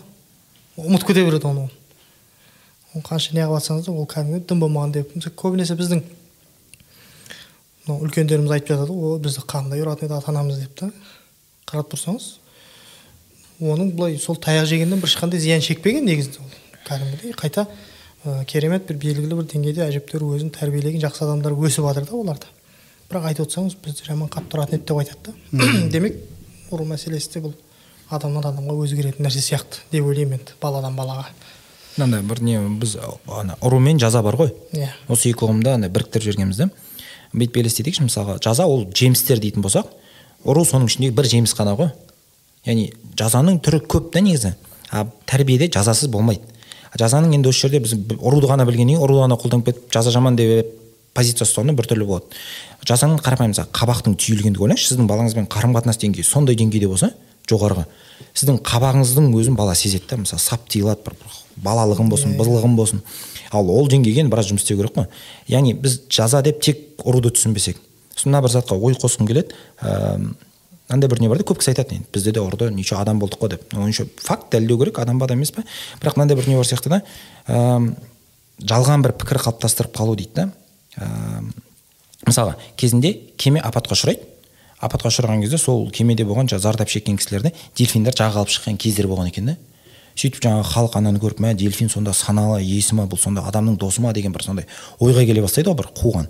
Сол кезде ғалымдар айтады жоқ олай емес дейді. Дельфин ана адаммен ойнаған шығар дейді да ары бері доп қылып. Жай ғана бір адамдар жағаға кетті бір адамдар ары қарай кетті дейді да. Жағаға кеткен адамдарға ғана қарап біз аналарға білмей олар туралы деректі білмей біз е бұл дұрыс екен деген шешім шығара алмаймыз дейді да. Тура сол сияқты жаңағы ұрудың салдарынан бір аман қалып қалған мүмкін тіпті бір жетістікке жеткен кісілерге қарап е ұру болады екен ғой деген шешім қабылдап қалмауымыз керек сияқты да. Өйткені бұл андай бір бағанағы айтқандай өз әрекетімізді ақтап алудың бір күшті мысалдары да. Алла разы болсын. Енді осы жаңа бала тәрбиесіне жаңа исламдағы қағидаттарына қатысты ә, діни тәлім тәрбие беру деп қалдыңыз ғой. Оған қатысты білесіз пайғамбар саллаллаху алейхи вассаламның ә, жаңағы хадис бар балаға жеті жастан намаз үйретіңдер он жастан бұйырыңдар деген секілді. Осы балаға намаз үйретудің және де құран жаттату о, жеңіл жолдарын айтып кете аласыз ба осыны? Қалай? Енді бұл пайғамбарымыздың жаңағы әдіс тәсілінде жеті жастан бұйырыңдар он жастан жеті жастан үйретіңдер он жастан бұйырыңдар деді сол секілді құран жаттаудың жолдарын жеңіл жолдарын намаз үйретудің жеңіл жолдарын ә, бұл тәрбие деген негізінде бір, бір күн екі күнде бола салатын нәрсе емес қой бұған кәдімгідей белгілі уақыт керек және бұл о, біраз уақыт жұмыс істегеннен кейін барып ортаға көрінетін нәрсе да бүгін істедің ертең о мынау адам болып қалыпты ғой дей алмайсың да. Сондай бір ә, көзге көрінбейтін әрі өте бір қиын жұмыс өйткені ең ең қиын нәрсе негізі адаммен жұмыс істеу ғой жалпы. Адамның болмысымен жұмыс істеудің өте қиын нәрсе. Сол үшін енді құран оқуды жеңілдету намаз оқуды жеңілдету бұның бір әдіс тәсілі мен ойлайтынмын ең бірінші бұл ә, адам өзінің істеуі да бұл жерде. Мысалға егер сіз өзіңіз істемеген нәрсені біреуге айтсаңыз істемейді ол нәрсені. Өтпейді. Өтпейді өйткені әсері болмайды да мысалға сіз үйге келіп ей балам құран жаттадың ба? жаттап отыр. Күшпен немесе жаңағыдай намаз оқыдың ба неге оқымайсың? Дәрес алып кел бар тез оқимын деп жаңағыдай сондай бір дөрекілікпен жасаған ол белгілі бір деңгейге алып бармайды. Сіз солардың ішінде жүру керек сияқты. Құран оқуды бала сізден көру керек та оны. Сіз құран оқып отырасыз. Әрдайым қолыңыздан кітап үзілмейді. Бала оны көргеннен кейін. Одан кейін барып сіз айтсаңыз ей кел бірге оқиық құран оқы десең сол кезде ол алып кетуі мүмкін ол нәрсені да. Намаз да сол сияқты деп ойлаймын. Сіз үйде әрдайым намазда болсаңыз немесе анда санда мешітке намазға ертіп келіп жүрсеңіз баланы одан кейін белгілі бір жасқа жеткеннен кейін ол намаз оқы десең ол бірден алып кетеді.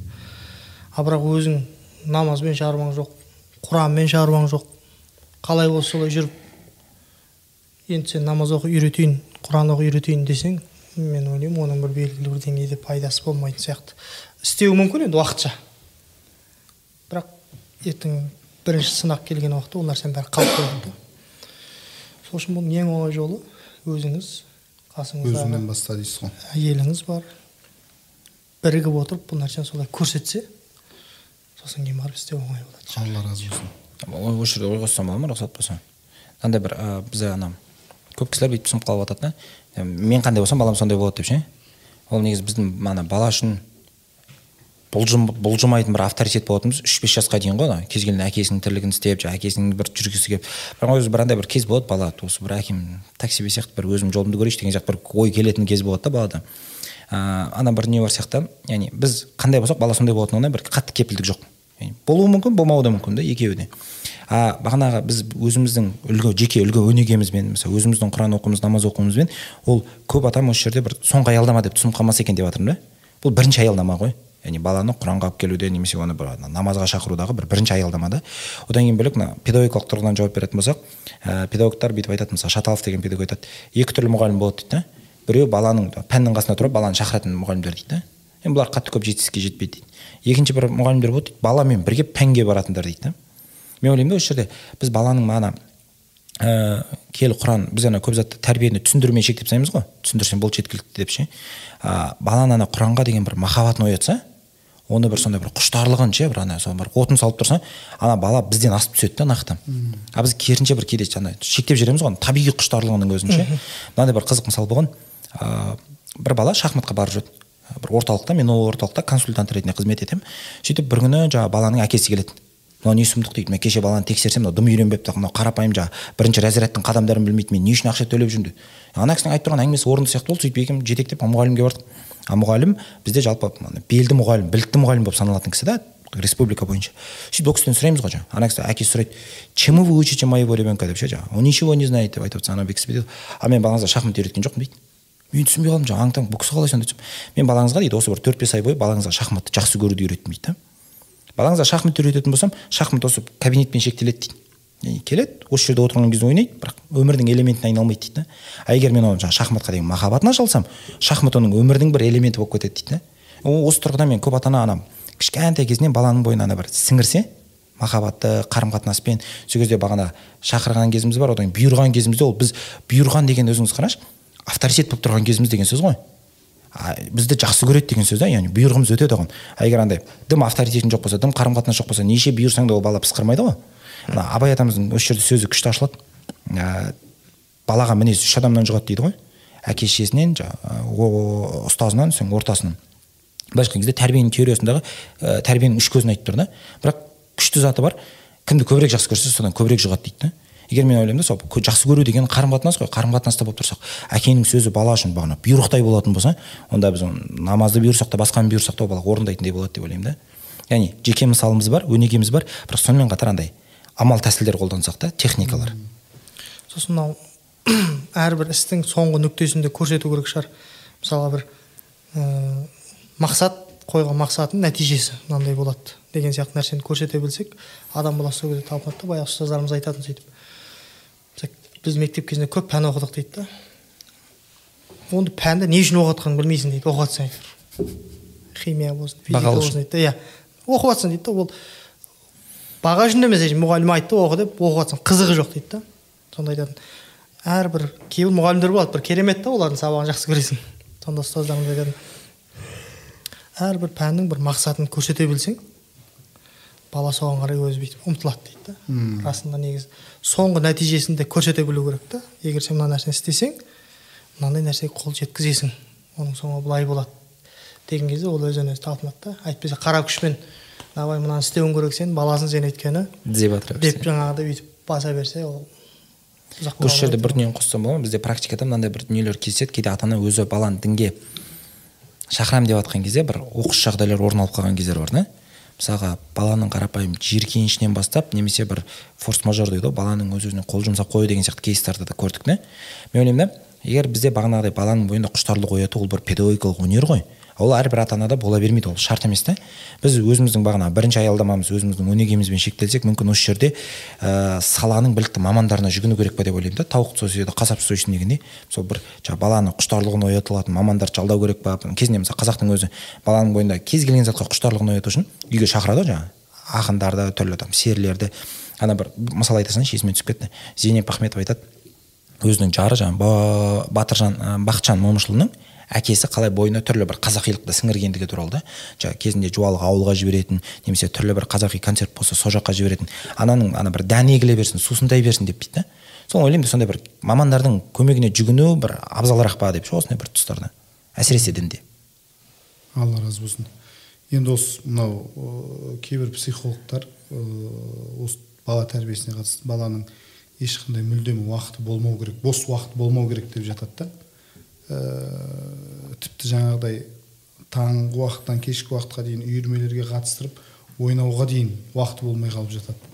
Енді осы қаншалықты дұрыс бала тәрбиесінде? Бұл жерде проблема неде сияқты? Жалпы бала тәрбиесін психологтардың айтып жатқандығы сияқты. Бізде қазір байқасаңыздар қоғамда психологтардың бір дәуірі болып тұр ғой бір солардың ана кеңесі өтіп тұрған. Бірақ психолог ол бір сол бір жанның бір бір бөлшегін ғана ғана жауап беретін адамдар ғой негізі.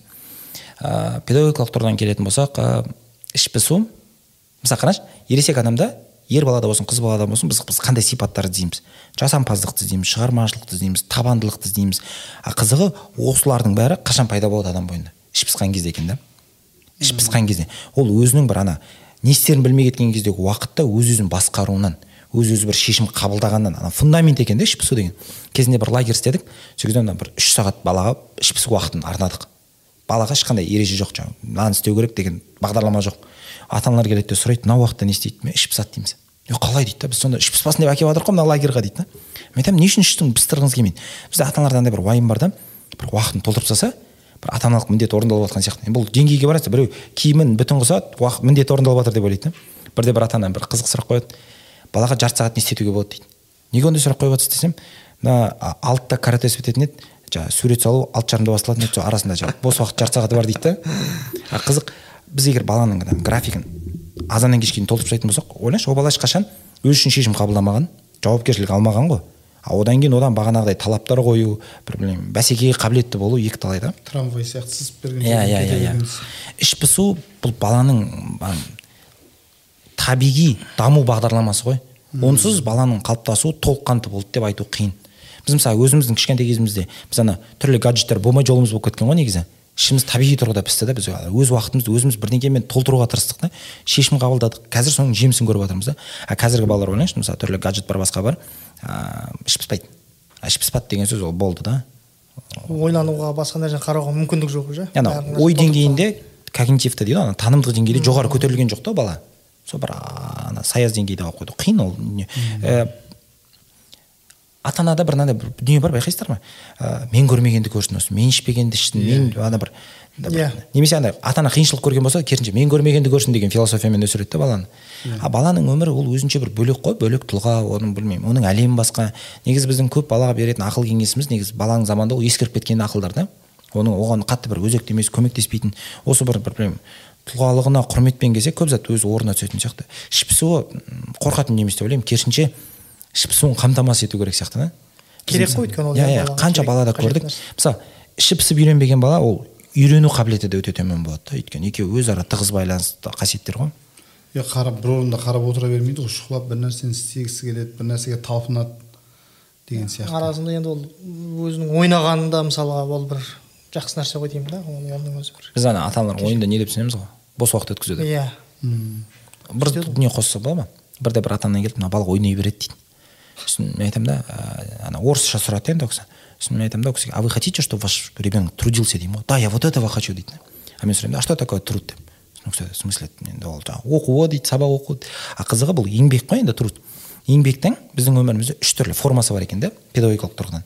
Бірінші проявлениесі бірінші формасы ол ойын. Яғни баланың кішкентай кезінен бастап жаңағы ойыны қанғанша әдеті ол ойыны қанған болса бес жетіде өзі тоқтай бастайды ойын бала үшін еңбек екен да сонда мен айтамын да балаңыз қазір ойнап жатқан жоқ ол еңбектеніп жатыр. Біз оны ойын деп атағанмен ол еңбек. Біздің көзқарасымыз бойынша ойын. иә ойыны қанбай қалса бұл жерде проблема көп. Мысалға енді бір ата аналарды қорқытқым келмейді бірақ қарапайым мына маниакальное отклонение дейді ғой. Соның өзі ойынның қанбауынан да. Мысалы қазіргі көп ә, ересектердің бір ә, оқыс тірліктері де сол ойынның қанбауынан да. Ойын қанғаннан кейін екінші еңбектің формасы басталады ол оқу үйрену. Бұл да бір қану керек кезде. Бұның мысалы өзінің аралық тесттері бар өзі. А одан кейін жұмыс. Кәдімгі еңбек мына жаққа келген кезде. Осы үш формасы үшеуі де еңбек екенін түсінбегендіктен біз ана бір ананы ғана еңбек деп ойланып қаламыз да. Вот ата аналар кішкене кең қараса бала негізі бұл ана ойнап жатқан кезде ол кәдімгі ең бір қарқынды дамып жатқан кезі ғой. Мысалы ойлаңызшы біз қазір бір кішкене ауыр кітап оқып бір кішкене жүк салсақ ұйқымыз келіп есінеп кетеміз ғой. А бала енді яғни адам ұйқысы ұйқысы келді деген энергиясы бітті деген сөз. А бала не үшін көп ұйықтайды не үшін жиі ұйықтайды өйткені ол көбірек шаршайды да өйткені көбірек ми энергиясын құртып жатыр да. Біз ана кейде баланың әлемін түсінбей жатамыз да мысалы бала қарапайым шүлдірлеп бір сөйлесе ой қандай тілі тәтті балдай деп ше. А негізі ол ең қиналып жатқан кезі ғой баланың ше. А біз кейде күлсек байғұс қысылмауы мүмкін да сол жерде. Кейде бір осындай нюанстар қиын ана ескермей қалған кезде. Сосын ол бала кезінде көп нәрсе енді ойын кезінде болған жаңағы кітап анау мынау білімді жүктеп тастасаң ол болашақта сол нәрсені жек көріп те өсетін сияқты бір жағынан бар ғой. Ертең оқитын шағы келген кезде ол әбден ана қиыншылықты көрген. Уже қарағысы келмейтін сияқты да содан ары қарай өзінің жолымен кетіп қалады да сөйтіп. Ана жек көрініш бір қабылдамау қалыптасып қалады да. Мынандай бір қызық дүние бар. Баланың қалыптасуында ата анаға қарсы жүру деген. Яғни адам өз тұлғалығын қарсы жүріп арқылы қалыптасамын деп ойлайды екен да. Бірде бір тікелей эфир жүргізіп жатыр. Ата аналар клубында вебинарда. Сөйтіп біздің кенже ұлымыз алдыма келіп отырды да. Сосын мен ата аналардан сұрап жатырмын да эфирда мына баланы мен алдыма келіп отырдым. Маған эфир жүргізуіме кедергі келтіріп жатыр. Қалай алдымнан түсіре аламын? Сосын айтады да бар деп айта аласыз жаңағы ақырын түсіріп жібере аласыз анасын алып кет деп айтасыз есік жауып қоюға болады түрлі амал мен айтамын да сөйтуге болады бірақ құшақтаса да болады деймін да. Қызық ол менің алдыма өзі отырғысы келіп келді бірақ мен оны құшақтап едім ол қалыптасуды қалай түсінеді? Қарсы жүру керек деп түсінеді ғой. Бірден бүйтіп түсіп кетіп жатыр да. Яғни осындай бір нюанстар ескерілсе негізі. Алла разы болсын. Енді мәке мынау ә, білеміз пайғамбарымыз саллаллаху алейхи уассалам біз үшін өте үлкен ұлы тұлға және үлгі әрбір өмірі жүріс тұрысы. Енді осы бала тәрбиелеуде ә, пайғамбарымыз саллаллаху алейхи уассаламның өмірінен қандай бір мысал келтірер еді? Пайғамбарымыз алейхисалату вассаламның жалпы мынау балалармен болған қарым қатынасы жайында хадистер өте көп негізінде. Әр баланың әртүрлі деңгейде. Ә, сол деңгейге түсіп баланың деңгейімен болып кететін еді дейді пайғамбарымыз солармен араласқан кезде. Кәдімгі баланың деңгейіне түсіп солармен бірдей болып жаңағы сөйтіп сондай қарым қатынас жасайтын еді дейді. Әсіресе мынау ә, баланың жылағанын ұнатпайтын еді дейді пайғамбарымыз. Ұнатпайды деген енді жаңағы мейірімділігі ғой соншалықты ана жылаған дауысының өзінен біртүрлі жаңағы қысылатын еді. Бір күні намаз оқып тұр еді дейді. Әдеттен тыс намазды тез бітіріп қойды дейді. Сонда сұрады ғой я расулалла не үшін олай жасадыңыз? деген кезде бір баланың жылағанын естідім дейді да.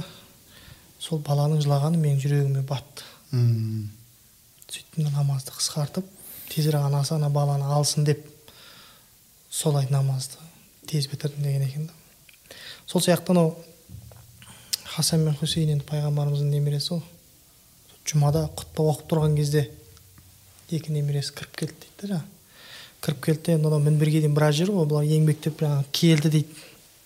Пайғамбарымыз екеуін де құтпасын тоқтатып түсіп екеуін кәдімгі көтеріп алып сөйтіп барып құтпасын жалғастырды дейді да. Сондағы пайғамбарымыз айтқан олар еңбектеп келді осы жерге дейін енді. Аналардың осындай еңбегін жерге тастамай мен көтеріп алдым деп. Әйтпесе құтпаны бөлу деген ол негізі рұқсат етілмеген нәрсе ғой. Бірақ бала мәселесі деген кезде пайғамбарымыз сол нәрсені де ескеріп жатады біз ауылда есімде баяғыда үлкен ақсақалдармен намаз оқимыз жаңағы таравих намаздарын ауылда ауыл үй үйлерді аралап жүріп оқимыз ғой жаңағы сонда бір үйлерге барып қалсақ кішкентай балалар ойнап жүреді да кейде намаз оқыған бөлмеге кіріп кетеді. Бала ғой енді кіріп шығып жүреді. Намаз біткен соң бір екі ақсақалдар ана баланы шақырып алады ұрсады ей сендер келмеңдер бұл жерге намаз оқып жатқан кезде деп. Мен ойлаймын да ол ә, баламен болған қарым қатынасты пайғамбарымыз алейхисалату вассалам үйретіп кетті да.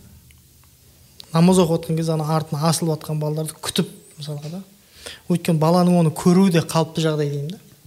Бірақ енді ә, баланы алып келу керек екен деп бүкіл жаңағыдай жылайтын баланы да басқанда алып келе беруге болмайды. Оның да бір шектеулері бар шариғатта қойылған мысалға м, ақыл-есі уже жақсы жаманды ажырата білетін деңгейге жеткен балаларды алып келу керек мешітке дейді да иә.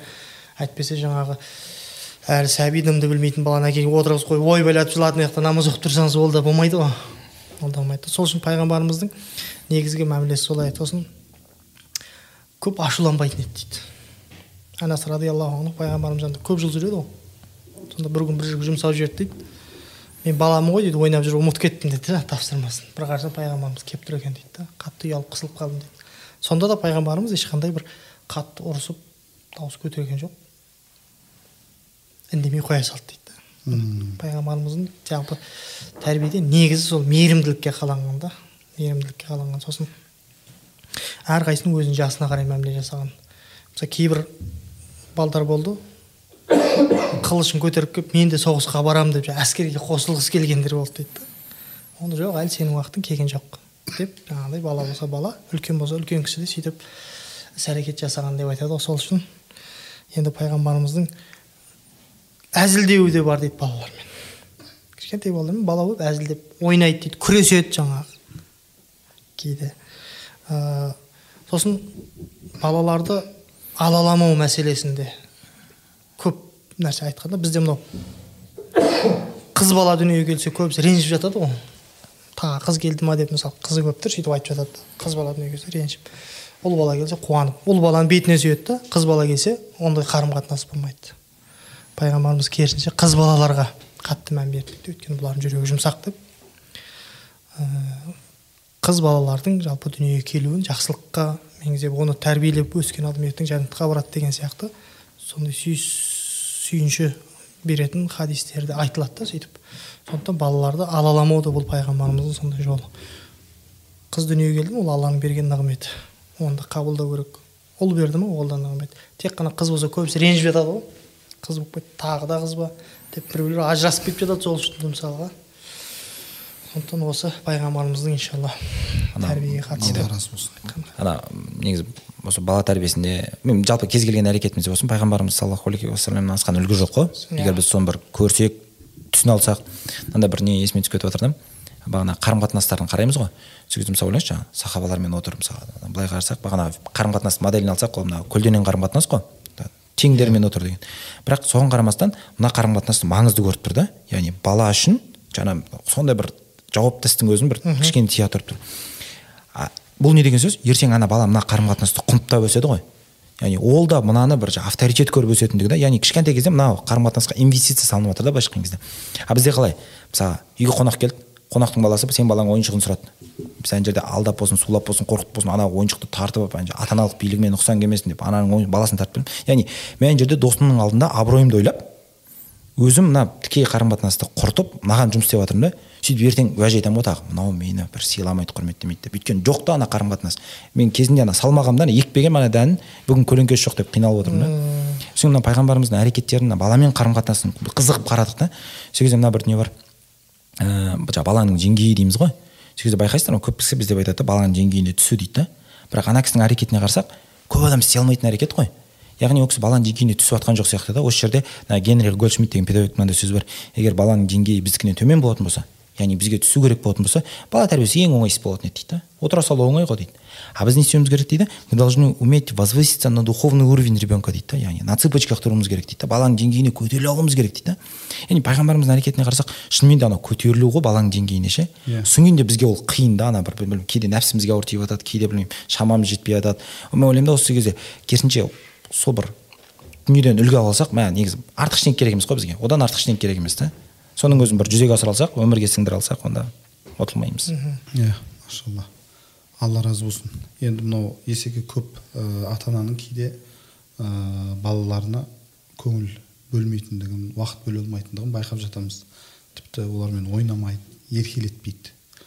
Ә, осындай проблеманы қалай шешуге болады? Бұндай ата аналарға қандай кеңес берер едіңіз? Бізде бүйтіп қарайтын сияқты көп ата ана бала тәрбиесін бір андай кейінге қалдырып қарайды да. Ей әлі кішкентай ғой реттеп аламын ғой деген сияқты. Әсіресе әкелер. Жоқ әлі кішкентай ғой мына қызыл шақалақ мен не істеймін? деген сияқты. А бірақ мынандай қызық дүние да әке баланың өміріне қаншалықты ерте атсалысса баланың кейін қоғамда мысалға абыройлы болуы яғни көшбасшы болуы ықтималдығы өседі екен да. Біз оны елей бермейміз ғой ондай дүниелерді. Мынандай бір жақында тәжірибе істедік бастадық осы осы ақпан айында. Ыыы баланың ерте жастағы дамуын нөлден үшке дейін ата анаға жаңағы дұрыс нұсқаулықтар жіберу да бала дамуының балансын реттеп отыру үшін. Сол кезде жаңағы бір ата аналар үш жас бес ай балалары бар жаңағы үш жас екі айлық балалары бар. Сонда біз кеш қалдық па не дейді да? Е балам әлі беске келген жоқ бір әлі уақытымыз бар деп жүрсек сонда біз кешігіп жатыр екенбіз ғой деген ана бір ой түйін енді келіп жатыр да ол кісілерге. Ыыы бала тәрбиесі негізі қиын емес. Ана бағанағы үш үш жыл уақытын арнап берсе одан кейін әкесі бір сол бір үш жыл уақытын арнап берсе болды ғой негізі. Ә, бастапқы уақыт қой. Басында инвестиция жасай алсақ ойнай алсақ әсіресе онда бітті. Көп зат өзінің жемісін беріп отырады да. А біз мына жерде жемісін бермегеннен кейін өмір бойы таяғын жеп жүреміз да.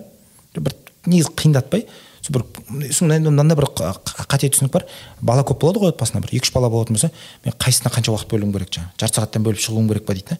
Баланың қажеттілігіне қарай да. Бір балаға он бес минут жеткілікті болуы мүмкін біреуіне он бес сағат та жеткіліксіз болуы мүмкін да. Егер біз баламен негізі уақыт өткізу қиын емес жай ғана балаңыздың қасына келіп бір ғана тыңдасаңыз баланы ана белсенді тыңдаудың ым ишараларын жасайтын болсаңыз жаңағы м деп басыңызды изеп отыратын болса болды кез келген бала ашылады да. Мысалы тіпті баламен кітап оқудың өзі көп кісі бүйтеді мен кітап оқығаннан жалығамын дейді да. А баламен кітап оқыған кезде кім айтты сізге оқисыз деп бала бүйтіп келеді сізге кітабын арқалап кітап оқиық деп. Бірақ ол жерде қалай болады? Бала алдыңа оқиды да ол сөйлейді да. Сіз жай ғана дұрыс екен деп жөн ым ишара білдіріп отырсаңыз жеткілікті да. Бала мен ойлаймын мен уақыт өткізуді қиындатпай қазір уақытын бөлсек кейін жемісін аламыз да. Бірақ бұл жерде мынандай деп айту да қиын да ата аналарға дұрыс бұрыс деп мен өйтіп айтпауға тырысамын. Мысалы баланы ұру дұрыс баламен уақыт өткізу дұрыс деп ше. Мен айтамын да ата аналарға былай істесеңіз былай болады. Түбінде мынандай сценарий күтіп тұр. Саналы түрде соған дайынсыз ба? Мархабат білгеніңізді істей беріңіз деймін да. Яғни мысалы баламен уақыт өткізбейсіз ба? Оның тәрбиесі оның киімін немесе тамағын қамтамасыз етумен шектеледі деп ойлайсыз ба? Онда ертең белгілі бір сценарийға дайын болыңыз да. Осы жерде ата аналар ана бір ситуацияны толығынан сезінбеген кезде ә, туындайтын сияқты.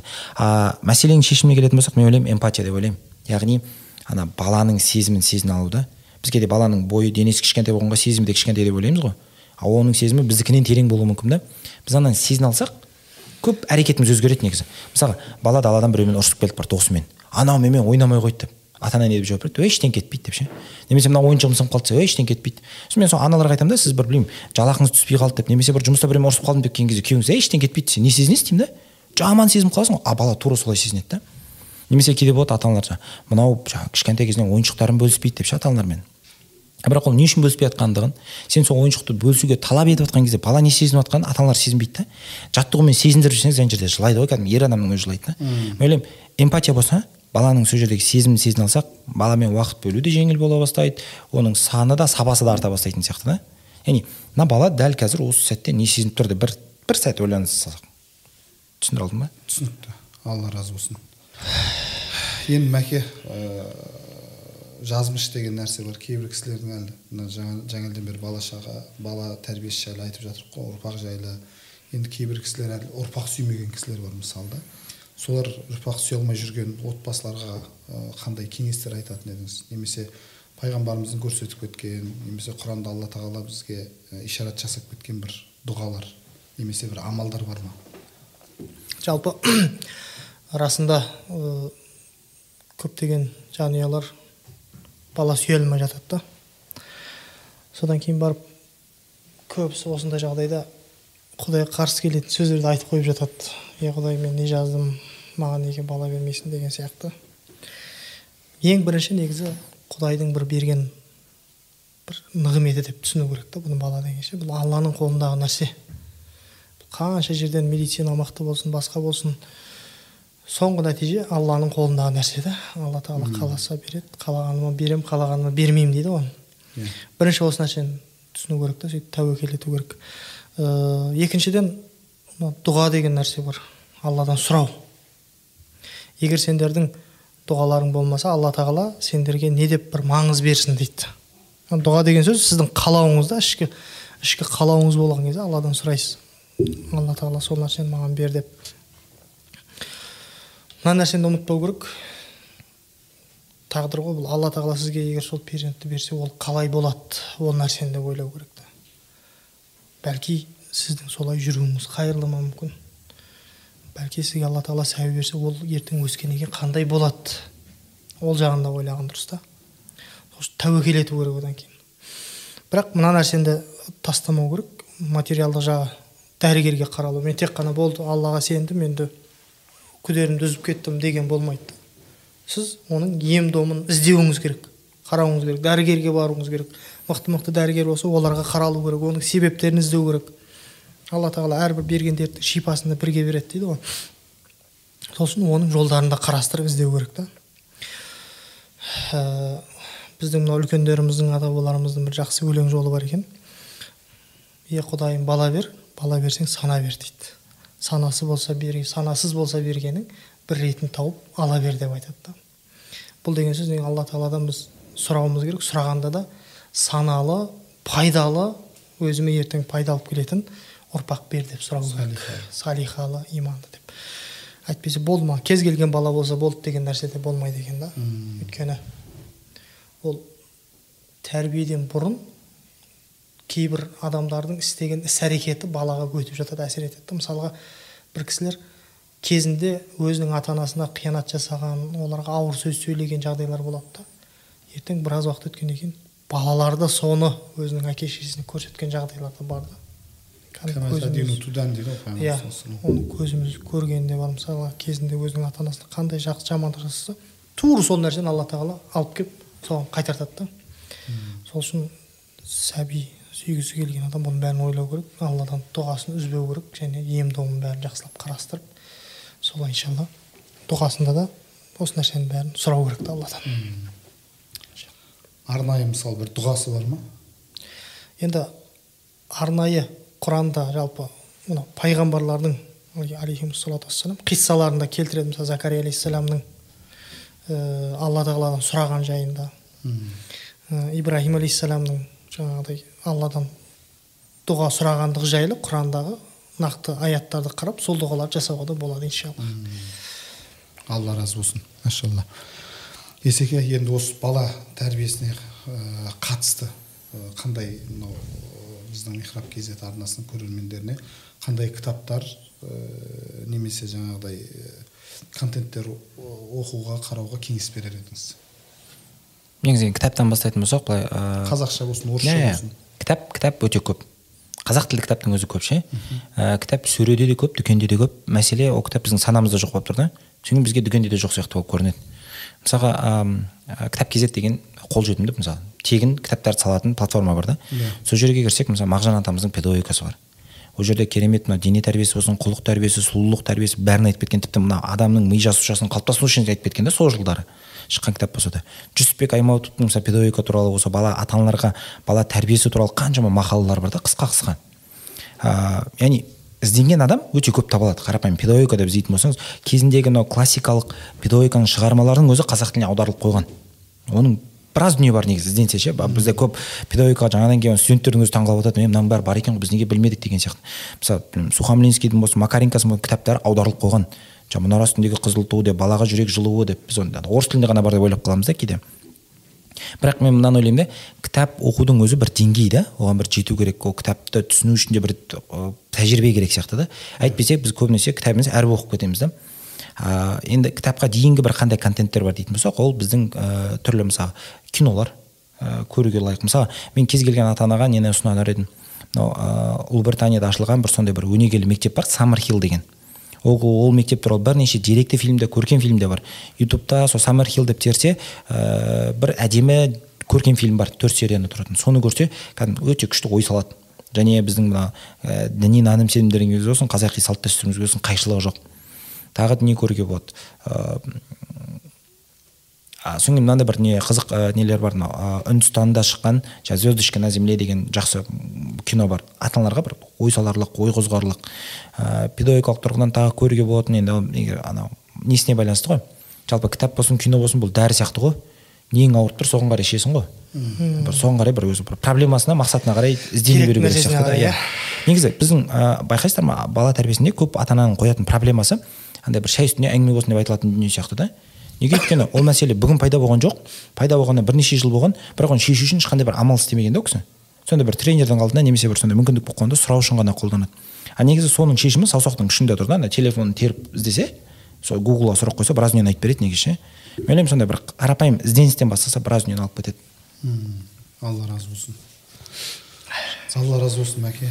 Әмин алла бәрін студиямыздың қонағы болып келіп тың мағлұматпен бөліскендеріңізге бала тәрбиесіне қатысты біз ә, жалпы михраб kz арнасының көрермендерімен қоштаспаймыз. Алла бұйыртса бізді бақылап қарап жүріңіздер. Алда жақсы ә, тағы да осындай ә, маңызды актуалды тақырыптарды көтеріп сіздермен осындай мынау есекең секілді мәкең секілді ә, мамандарды ә, білікті білімді кісілерді шақырып сіздермен бөлісетін боламыз. Ассаламағалейкум рахматуллах